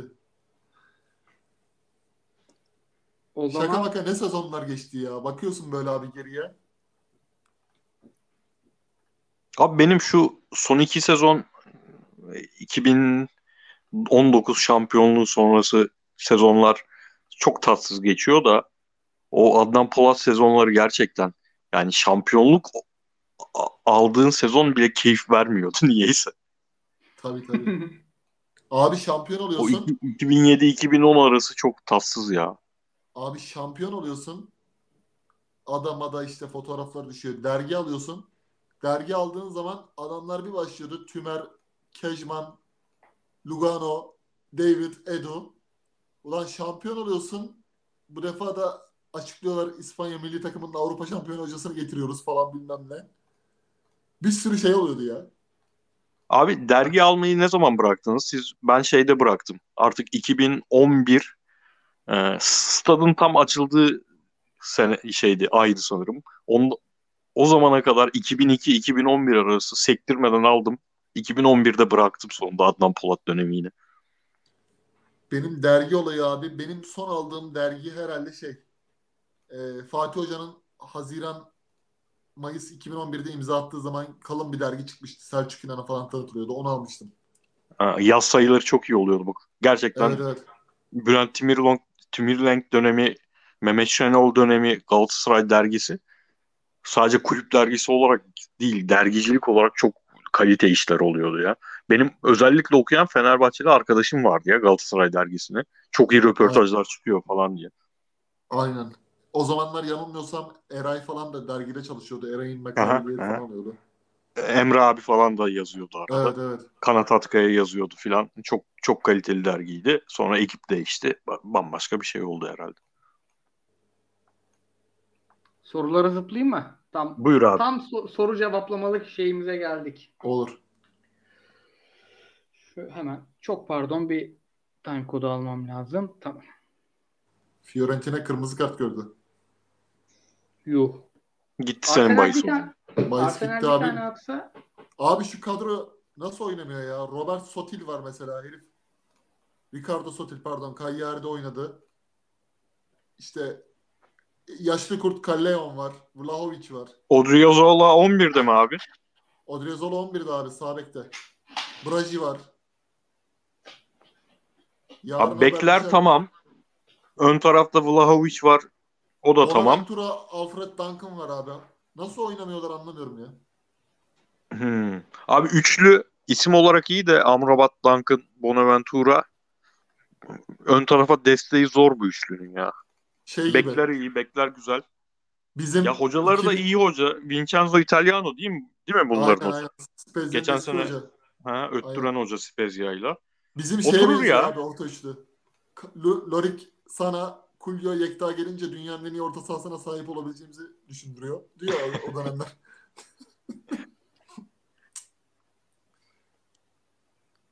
Buyur, ne Koray- Koray. Yok abi Arsenal'imiz yine komik bir gol yiyordu da ona daldım ben de. Zazama sinirli ile başlıyoruz sorulara. Abilerim selamlar iyi kayıtlar demiş sağ olsun. Umarım geç kalmamışımdır demiş. Estağfurullah. Dört büyüklere oyunlarına ilaç olmaları için bir efsanelerini getirme fırsatınız olsa kimleri getirirdiniz? Mesela Galatasaray'a defans önünde kaliteli altı için Felipe Melo'yu getirirdim tarzında. Fenerbahçe'ye Roberto Carlos'u getirsek sol bek derdini çözeriz herhalde. Beşiktaş'a Tamam. bir Cunti yakışır. Cün, Cünti mi? Evet sen ne diyorsun? Ben Sen- sol, sol öne adam alırım Beşiktaş'a. Da Beşiktaşlı sol ön kime alayım ya? Kıyıcının aklına gelir aslında. Sol öne bir adam bulsana abi. Beşiktaşlı. Rodri, şey, kenar oyuncusu mu? Ha, sol açık. Rodrigo Teyo. ya şey ya o e, 6 numara bakıyorum hala. Ya da ben Beşiktaş'a stoper bulayım ya. Bir stoper çözelim oraya. Ronaldo E şey- çözeyim. Zago çöz, Ronaldo çöz. Ronaldo çözdüm abi. Trabzonspor sol bekte şey oynarken bir Abdullah Ercan yakışır Köybaş yerine. Ya da Ünal Karaman'ı değişik bir rolde oynatabiliriz. Abi Abdullah Ercan'ı koyalım. Hem yabancı sınırından başımız ağrımasın. Abi bu arada ya Allah'ını severseniz şu garabet 8 artı 3'ü değiştirin ya. Ya bir tane oyuncu değiştirmek için 3 tane oyuncu çıkarmak zorunda kalır mı teknik direktörler ya? Abi Allah. Harbi bak hakem makem MHK'nın düzeni bilmem ne falan bütün kulüplerin işi bu olsun ve değiştirsinler şunu abi. Bu nedir ya? Bence yerli futbolcular profesyonel futbol kurulu var ya bu Hakan Ünsal falan bir ara başkanlık yapıyordu. Öyle Aha. bir şey kendileri desinler ya. Teknik direktörlerin bu kadar zorlandığını görüyoruz. Yerli oyuncular için 3 artı kuralına gerek yok. Biz kendimiz bunu istiyoruz falan diye. Anca öyle anlarlar. Evet abi adam bir Oğuzhan çıkartmak için bütün takımı çıkarmak zorunda kalıyor ya. ya de ki 6 yabancı ya. 8 de değil. Düşürdüm 6 yabancı ama istediğini çıkarıp istediğini sokabilirsin. O bile daha mantıklı şundan ya. Hakikaten çok Fener'e ben. Alex'i koyarım ya bir de. Deminki soruda. Aklıma o geldi. Mesut yerine. Koşar tabii hocam. Alex her yerde koşar. Net. Yani Alex herhalde o arkada iş bitiren adam pozisyonunda Fener'in şu an en çok aradığı ara- adam gibi geliyor. Berisha'nın yanına da şeyi direkt e, Rossi'yi direkt second striker rol- rolüne. Sen çok oyunun geri kalanını boş ver baba. Biz kalenin içine topu getireceğiz. Sen orada plaseyi bırakacaksın. Alex Evet. bırakır topları önüne. Yazar o da. Ya Galatasaray'a da Hacı alalım abi o zaman. Aynen abi. Abi Galatasaray acı alsak en azından maç tıkandı mı bir tane takar gene sorun çözer ya. İyi 6 numara bulamadım çünkü ben. Felipe Melo'yu da tek 6 çok düşünemiyorum kafamda. Felipe'nin özel, Melo'nun özellikler bambaşka özellikler çünkü. Bizde hiç iyi 6 oynamadım ya. Suat Kaya. Bizde abi Suat Kaya. Yani tek altı ya. düşününce, tek altı düşününce daha fiziksel oynayacak oyuncu düşünüyorum ya. Neyse abi. Jo- Joao Batista. Oo. Ay, ay, bu tek altı oynayan bizde Saydu vardı. Aynen Ama- Say Saydu geliyor. Fazla tek altı. Saygı şey ya. Çift altı gibiydi valla. Jonathan Ikone'nin Galatasaray Konya maçı ile ilgili sorusunu cevapladık. Galatasaray kapanıp gol yemedi demiş Alter. Ee. Altay Lig'e flash girişinin ardından epey düştü. Toparlar mı yoksa kümede kalma mücadelesine mi girer diye sormuş. Alter ne diyorsun Sayın Kıyıcı? Mustafa Hoca her maçtan sonra kaybedince düşüncemizin diye bak Mustafa Hoca'nın klasik lafları vardır böyle düşüncemizin üstünde bir noktadayız diye böyle başlayan kelimelerle e, camiayı konsolide eder ama hoca 3 haftadır takım kötü gidiyor. Bu düşüncesinin üstünde çıkartmayı nasıl yapacak bilmiyorum. Çünkü hani 5'li 5-3-2 bir büyük maçlarda dikkat çekiyor ama e, bu defa da oyuncuların şeyi abi çok böyle geriye kendi kendini itiyor takım. Hani biz arka savunma arkasına Bamba'yı kaçıralım veya işte Nadir'i soldan devamlı koş koş yapsın Cebrail de sağdan. Bu oyunda başka bir B planı yaratmak zorundalar.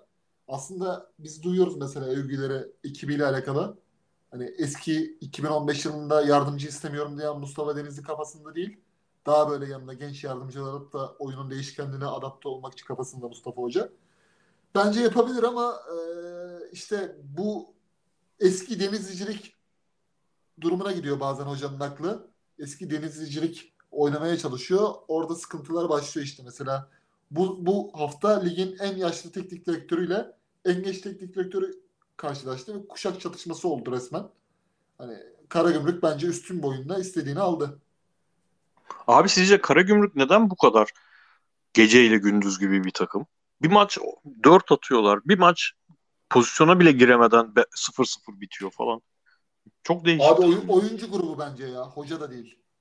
Ya oyun Bence de. aynı, oyun değişmeden skorların bu kadar değişmesi tuhaf geliyor bana. Yani bir taraf Ahmet Musa, bir taraf Yan Karamoh çıkan takımın. Santraforları iyi mi bunların? Pesic, Mesic. Pesic iyi abi. Sırtı dönük çok iyi herif.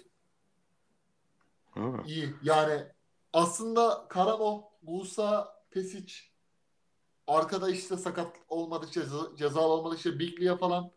Bunlar istikrarlı Bertolacci Tabii Bertolacci yani. bunlar istikrarlı bir yapıya oynar da bence şu da olabilir. Fariole çok böyle video kaset, rakibe özel hazırlık falan herkese başka bir şey kurma, oyun kurmaya çalışıyorsa kendi oyunundan ziyade bu biraz dalgalanmalar olabilir ya.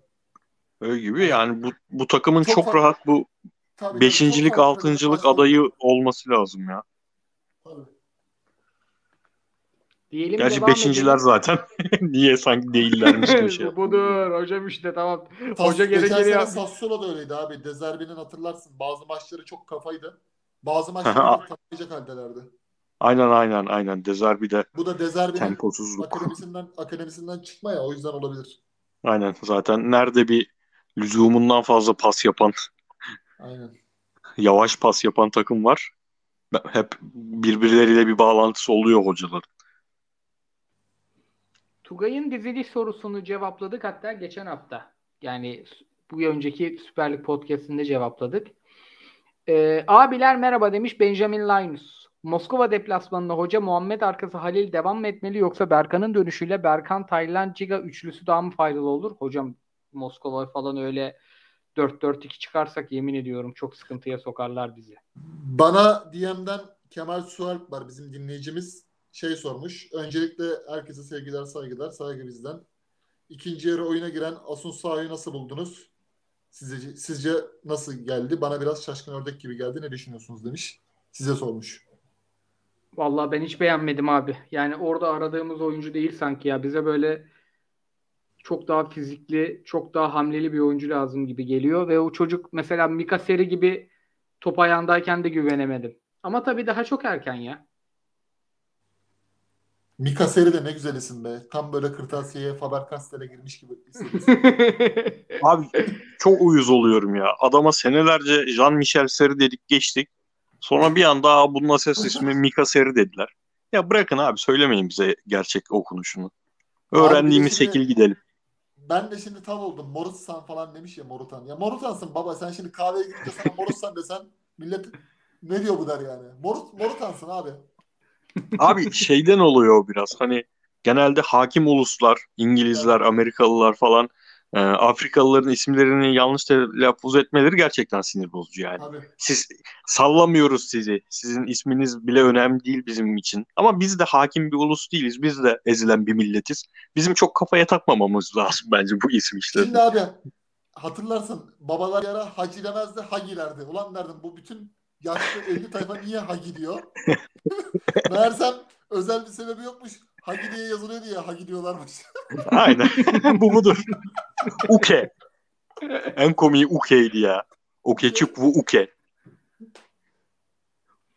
Abi Galatasaray'da Muslera sonrası dönem için Okan'ın kiralanarak forma giymesi dışında da bir aksiyon alınması gerekmez mi diyor Güçlü Berk. Seneye yabancı sayısı da düşecekken bir yerli kaleci şart diyorum ben de. Abi onu yani o kontratı bu şekilde yapmadan önce düşünmemiz gereken bir problemdi. Yani ciddi bir problem. Yabancı sınırı şimdi deseler ki seneye yabancı sınırı yok bu ülkeye yine güvenemezsin. Hep bu ülkenin biz konusu olacak yabancı sınırı. Öyleyken uf geçmiş olsun Koray Gök. Yine Böyleyken yani aynen çok Helal olsun. bence tamam o dönemin ruhu çok başka bir dönemdi. Yani Muslera hem yeniden formunun zirvesine falan çıkmaya başlamıştı ama her şeye rağmen hem o paralara hem de kontratın süresi yani Galatasaray'ın burada 20 senedir 25 senedir bulamadığı çözümü yani doğduk 10 yaşına geldik Vol kim vardı abi? Ahmet Bulut Volkan falan olur mu Ha. diye bekliyorduk kaleci. Mehmet Bölükbaşı falan. Sonra Orkan Aykut dönemi kısa bir. Onun dışında yok abi yerde kalecimiz. Yani bir şey yapmak lazım oraya Hem Aydın'ın hem Gürhan'ın sorularını cevapladık podcast içerisinde. Mustafa Uzun'un Fenerbahçe'nin ilk test maçıydı ligde. İlk büyük takım test maçıydı. 11-11 oyunda takımı nasıl buldunuz demiş. Onu da cevapladık. Hakemi de cevapladık. Ee, Salah Meyri'nin sorusunu şöyle yapayım. Fritzen Moskova deplasmanında e, Moskova maçında pardon e, Muhammed'i mi yoksa Cagney'i mi göreceğimizi düşünüyorsun 11'de? Abi ceza sahasına topu çok fazla götürmeyeceğimizi düşünüyorum. Öyle bir e, senaryoda da bu İngiltere sonrası Cagney'sinin daha faydalı olabileceğini düşünüyorum. Çünkü Muhammed top tutma işlerinde falan çok yani orta sahaya gelip kenarlardaki oyuncuların koşularını e, vakit kazandıracak, o koşulara vakit kazandıracak bir performans sergilemiyor genelde. O yüzden Cagne bir tık daha iyi olur gibi geliyor bana ama hani şey denirse de itiraz etmem. Muhammed hem en daha potansiyelli hem bir yatırım oyuncusu. Gollerini atmaya başlamışken kesmek olmaz denirse de çok mantıklı gelir bana. Kıyıcı sence kim oynar? Bence işte Fritz'in bahsettiği gibi gollerini atmaya başladığı için yine Muhammed çıkar diye düşünüyorum ya. Yani hem Rize hem de Konya maçında galibiyet getiren golü attığından dolayı hoca öndeki hattı bozmaz diye tahmin ediyorum. Ama Cagney'in de yine bu Konya maçındaki gibi 5-6 dakika değil erken süre bulacağını düşünüyorum. Çünkü gerçekten sıkı maç olacak. Hani Moskova'yı ben bahisten dolayı biraz takip ediyorum. O yüzden yoksa bir insan niye Lo- Lokomotiv Moskova'yı takip eder tabii ki o da ayrı bir konu da. Ee, yani üretkenliği zayıf bir takım ama hani hiçbir şekilde o eskiden Zeluis zamanı biraz daha böyle bizle oynadıkları döneme yakın zamanlarda daha böyle gole dönük bir takımdı. Şimdi şey e, bu Polonyalı oyuncu vardı Sevilla'da oynayan. Onun oynadığı zamanlarda daha etkililerdi. Krişov mıydı neydi öyle bir şey olması lazım. E, biraz denge takımı. Onlar da çok bence yani geldikleri zaman ne kadar salladılar belli değil. Çünkü biz Marsilya ve Lazio'ya karşı kendimizi test ettik. En azından kafamızda bir e, nasıl söyleyeyim şey var. Karbon kağıdı var. Ne oynayabiliriz, ne yapabiliriz falan. Bence e, sakatlık kaza bela olmazsa beraberlikte güzel sonuç. Ama biz gol Net pozisyonu da buluruz yani ya. O kadar iyi bir takım değil bence Moskova. Ya Abi bence- size bir soru soracağım. Ha buyur abi sen bitir öyle sorayım. Bence Avrupa'da kalan bütün maçlarda berabere kalalım. Ben okeyim. İçeride fiş çekelim diyorsun Marsilya Moskova'da. Değil mi? Yani. Mantıklı. Abi 2018 sonbaharı Lokomotiv Moskova maçı Türk Telekom Arena NDI'ye o golü attı 2-0 oldu değil mi o, o golle? Evet. Öncesinde de bir gün önce de hoca hayallerim rüyalarım var demiş. Çok dürüstçe. Ulan olur mu olur ya biz bu Şampiyonlar Ligi'nde bir çeyrek final tekrar yarı final geçti mi içinizden? Benden net geçti çünkü nasıl bir naiflikse. Hocam Geçti geçti abi. Geçti. Ben de. Eren penaltı yattı 3-0 oldu. Aha dedim geliyoruz ya bu sene. Çok net geliyoruz. Profesör of Futbol'un ve Haru Jordan'ın sorularını Bu cevaplamış arada olduk. gol gole dönük değiller dedim ya. Smolov aklıma geldi. Biz Smolov biraz boğuşur. Başka da yok zaten öyle şey. Kars adam yok yani çok. İyi abi. Lütfen YouTube yükleyiniz demiş. Devrim podcastleri yüklemiyoruz. Selamları yayınlar. Devre arası bir transfer hakkınız olsa demiş Umut. Ben soruyu bir tık değiştireceğim. Fritz'e soruyorum. Elneni mi Getson mu? Bir tane alma hakkın var. Hmm, ya ya bizim ihtiyacımız 6. 6'yı da maalesef Elneny daha iyi yapar. Ama Getson'u ben çok Getson abi ben Getson'u çok seviyorum. Yani Galatasaray öncesi döneminde de çok seviyordum. O yüzden Getson diyorum. Kıyıcı sen? Geç Sonya. Ben de Getson ya. Saat hiç teknik taktik ne gerek var abi sevdiğimiz topçuyu izleyelim. Abi bir de şey var ya hani sevgimizin ötesinde saha içinden bakarsak da yani bu şekilde devam edecekse takım bu orta saha üçlüsü devam edecekse Çikaldağ'ın yanına ben hep Emre Kılıncı'yı istiyorum ama hoca kullanmıyor. Getson gelirse kullanacak. Yani Getson o yüzden Getson'un oyuncu özellikleri de e, içteki onun koşuları hem önde baskı yapmaya başladığımız zaman yapabilecekleri falan daha bir bu takımı canlandırır. Daha bir varyasyon katar, katar oyununa. Vallahi o da keyifli üçlü olur. Abiler 4-4-2'ye döneceksek Çikaldağ, Berkan, Taylan, Morutan orta sahası nasıl olur diye sormuş. Hocam ben bunu tweet atmıştım. Ben bekliyorum bu orta sahayı. Ben bu orta sahayı bekliyorum hocam. Abiler selamlar demiş. Zekai Kirişçi nasılsınız? Stefano Okaka çukalarınız nasıl demiş. Yavaş yavaş o sorulara geldik. Aleykümselam. Çağrı Hoca'dan umudu kestiniz mi diye sormuş. Ben şahsen kestim. Sayın Kıyıcı. Ben kesmedim de Ocak'tan Ocak'tan sonra futbol olarak bu takımın ivmelenme ihtimali bende e, zamanla azalıyor. Bu da beni üzüyor yani. Hoca ocağa işaret etti. Bu defa transfer için işaret etmedi. Oyun açısından işaret etti. Ocağa kadar o yüzden böyle eleştiri ve tenkitlerimi saklıyorum ama e, bu defa en azından transfer konusunda bir çıkış yok yani. O, oyun olarak Ocak'tan sonra oturacağız dedi. Bekliyoruz bakalım. Abi ben de şeyi söyleyeyim ya. Hadi bana ara ara yapıldı. Ee, bu Fatih Terim eleştirisi yaptığın zaman türeyen yeni tipler. Abi size yapıldığı zaman ciddi kanıma dokunuyor ya. Adam size alın size yani Fatih Terimcilik öyle 3 tane tweet işi değil yani bu adamları Fatih Terimciliğini de sorguluyorsanız artık helal olsun valla diyecek bir şey yok size. Vallahi abi ya hakikaten. Geçen bir tanesi bana yazmış ya. Ne yapsa beğendiremiyoruz sizde de demiş. ben de direkt Avrupa'da PP'ye bakmamış ya o bir de. Sana yapması daha komik o yüzden.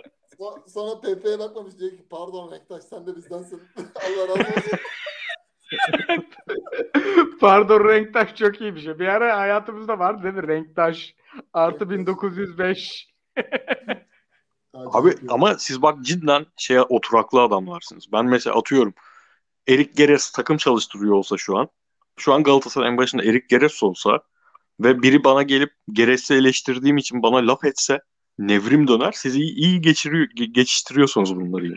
Abi ben Ha- hocanın savunulma şekilleri o kadar komik hale geldi ki benim hoşuma gidiyor anladın mı? Yani iyi, iyi tam zamanında pozisyon almışız diyorum yani. Abi 2010 ben hep diyorum 2017 terimcilik döneminin kırılma anıdır yani. 2017 terimcileri var. Bir de 2011 öncesi ve 2011 terimcileri var. 2017 terimcileri artık şeyin su kaçırdı yani eşeğin bilmem neresine. Hani öyle saçma şeyleri övüyorlar ki hani eleştirmek adamlara göre şey hani eleştirilemez. Ulan eleştirilmeyen biri var mı? Ya hoca bile kendini eleştirir. Burada bunu yapsaydım, şurada şunu yapsaydım diye.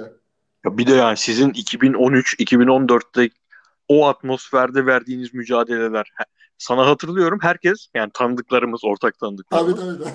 tabii. Yıldırım Ö- Demirören Fatih Terim gülerken fotoğrafını atıp duruyordu. Sen Tabii öyle abi, bir abi, mücadeleden abi. geliyorsun. Abi ben şimdi o yüzden fazla Fatih Hoca konusuna hele ki bu YouTube yayınlarından sonra farkındaysan girmiyorum. Mareşal Fevzi Çakmak gibi ben emekli oldum artık. Kenara çekildim yani. Ne.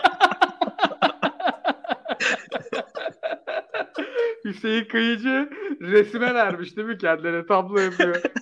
Abi ben artık yani o toplara hiç girmiyorum yani. Hoca şöyle böyle hiçbir şey yazmıyorum. Direkt böyle kafayı Edo, Medo, Onlar falan öyle gidiyorum yani. ya Abi şey Bakasetas'ı Allah- izlerken bak dün Bakasetas'ı izlerken hani dedim ki yani Anadolu'da Bataya gerçeği var yani. Bataja'nın aslında tweet'i şöyle kuruladım. Bataja'dan sonra aslında Bakasetas gelir mi dedim. Bir de dedim ki şimdi hani Bataja'yı bilmeyen nesil de olabilir hani 10 yıl öncenin topçusu. Bir anket yapayım. Acaba kaç çıkacak? Vay anam ulan kan aranıyor desek 30 tane alıntı gelmez yani. Yok bilmem ne çocuklara da baka, Bataja'yı anlatacağız bilmem ne bana diyor ha. Ulan sanki Bataja yazdık da karşısına da Bakasetas yazdık yani. Osvaldo Nartal'la yazmadık ki kardeşim. Gerçekten boku çıktı ya Twitter'ın.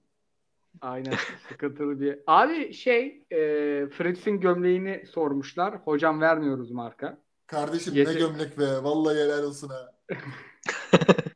Damla Bilic bile bu kadar bir kıyafet üzerinden influence yapamaz yani. Adam istemediği halde gömlek aldı yürüdü. Bugün bile var ya direkt chatte baktım gömlek gömlek.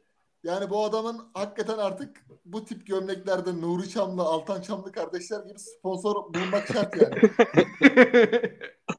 Abi fiyatını zaten söylemeyeyim artık alınacak gibi değil. Ben aldığım zaman insani fiyatlardaydı. Artık bu markalardan bile al- alamıyoruz. Ben şeye çok Ya- güldüm ya. Asper şey demiş bizim. Sana bu gömleği alma demiştim. Allah benim belamı versin.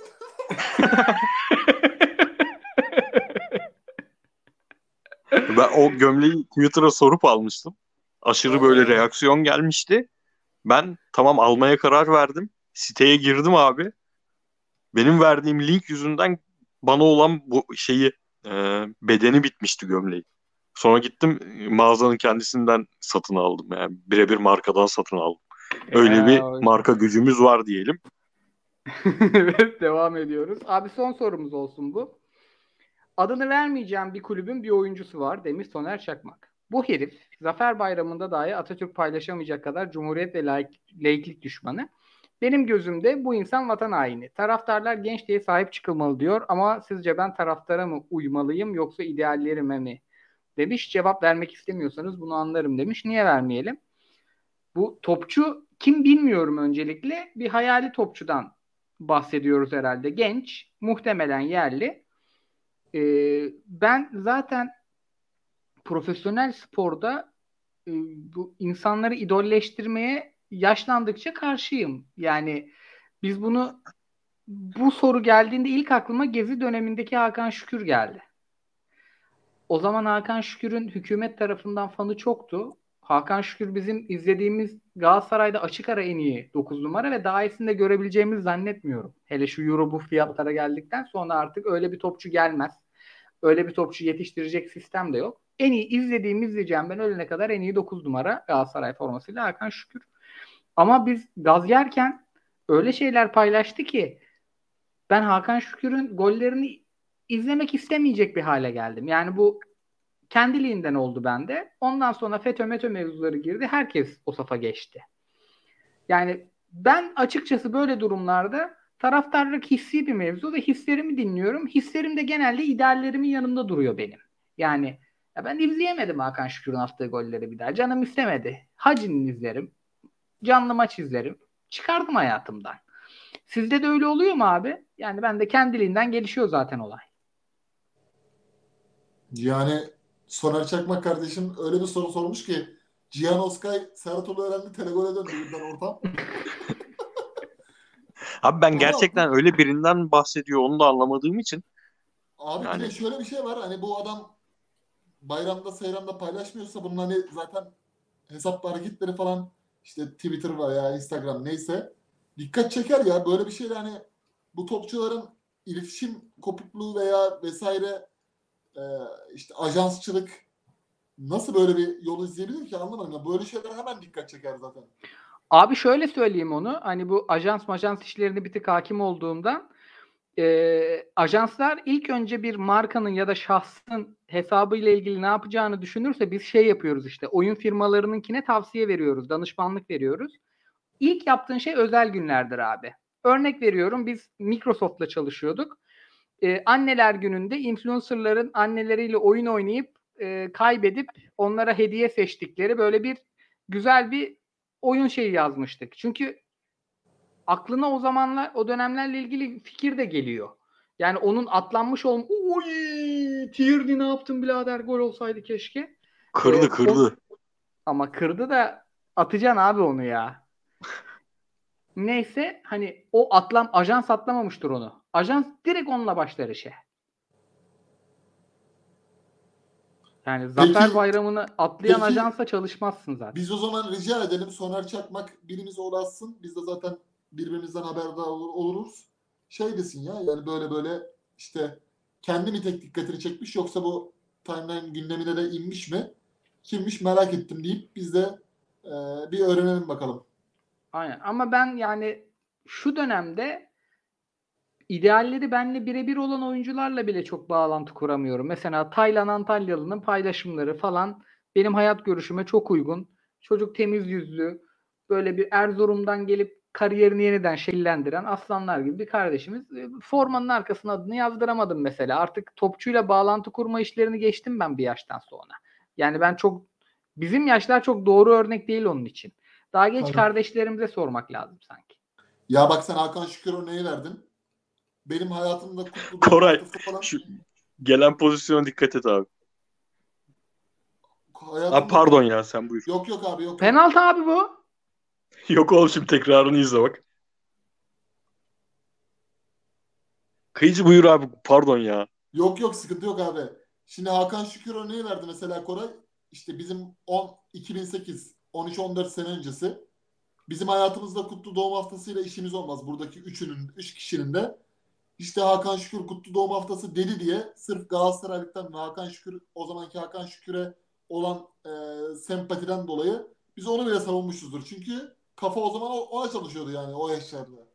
Öyle Ama taraftarlık şimdi, olur abi yani. yani Hakan özelinde şimdi, değil. Ben Hakan'ı 2000'de bile sevmezdim. O ayrı da.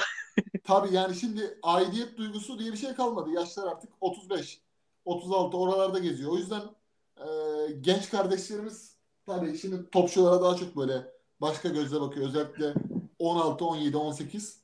Ama bu kadar böyle vatan hainidir, şudur budur. Biraz e, ilginç bir çıkış olmuş. Kim olduğunu Yani biz- bize de. Hele böyle bu kadar muğlak şekilde kimseyi yargılamayalım yani Evet. zaten yargı makamı da değiliz. Herkes kendi Tabii. içinde seveceğini sevmeyeceğini seçer. Ama bizim aidiyet duygusu abi yaş kadar tabii yaş çok önemli ama Arda çok bitirdi ya. Biz Arda'yı çok seviyorduk. Arda'yı Aynen aşırı seviyorduk. Ve Arda onun tam tersi istikamette hisler yarattı bize daha sonra. Yani ben de en azından tamamen ulan ya ben bu adamı izlemek için her şeyi yapıyordum yani.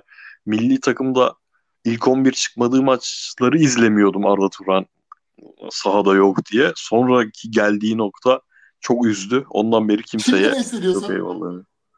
Abi tamamen hissizim ya Arda'ya karşı. yani kesin ben mesela arkadaşım olsa, arkadaşım değil, beni duyabilecek biri olsa mesela tavsiye vermeyi isterim. Mesela yöneticilik yapmasın. Yöneticilik yaparsa yeniden çok şey olur. Arda'dan iyi bir teknik direktör çıkabilir. Keşke teknik direktör olsa mesela bundan sonra. Hoca terim, hoca terimcileri çok taca attı Arda işinde. Evet, evet, evet. Böyle bir gerçek var yani. Biz orada Aynen. çok taca, taca çıktık yani. Dillendirmedik ama bayağı taca çıktık yani. Aynen. Çok sürpriz oldu ya. Yani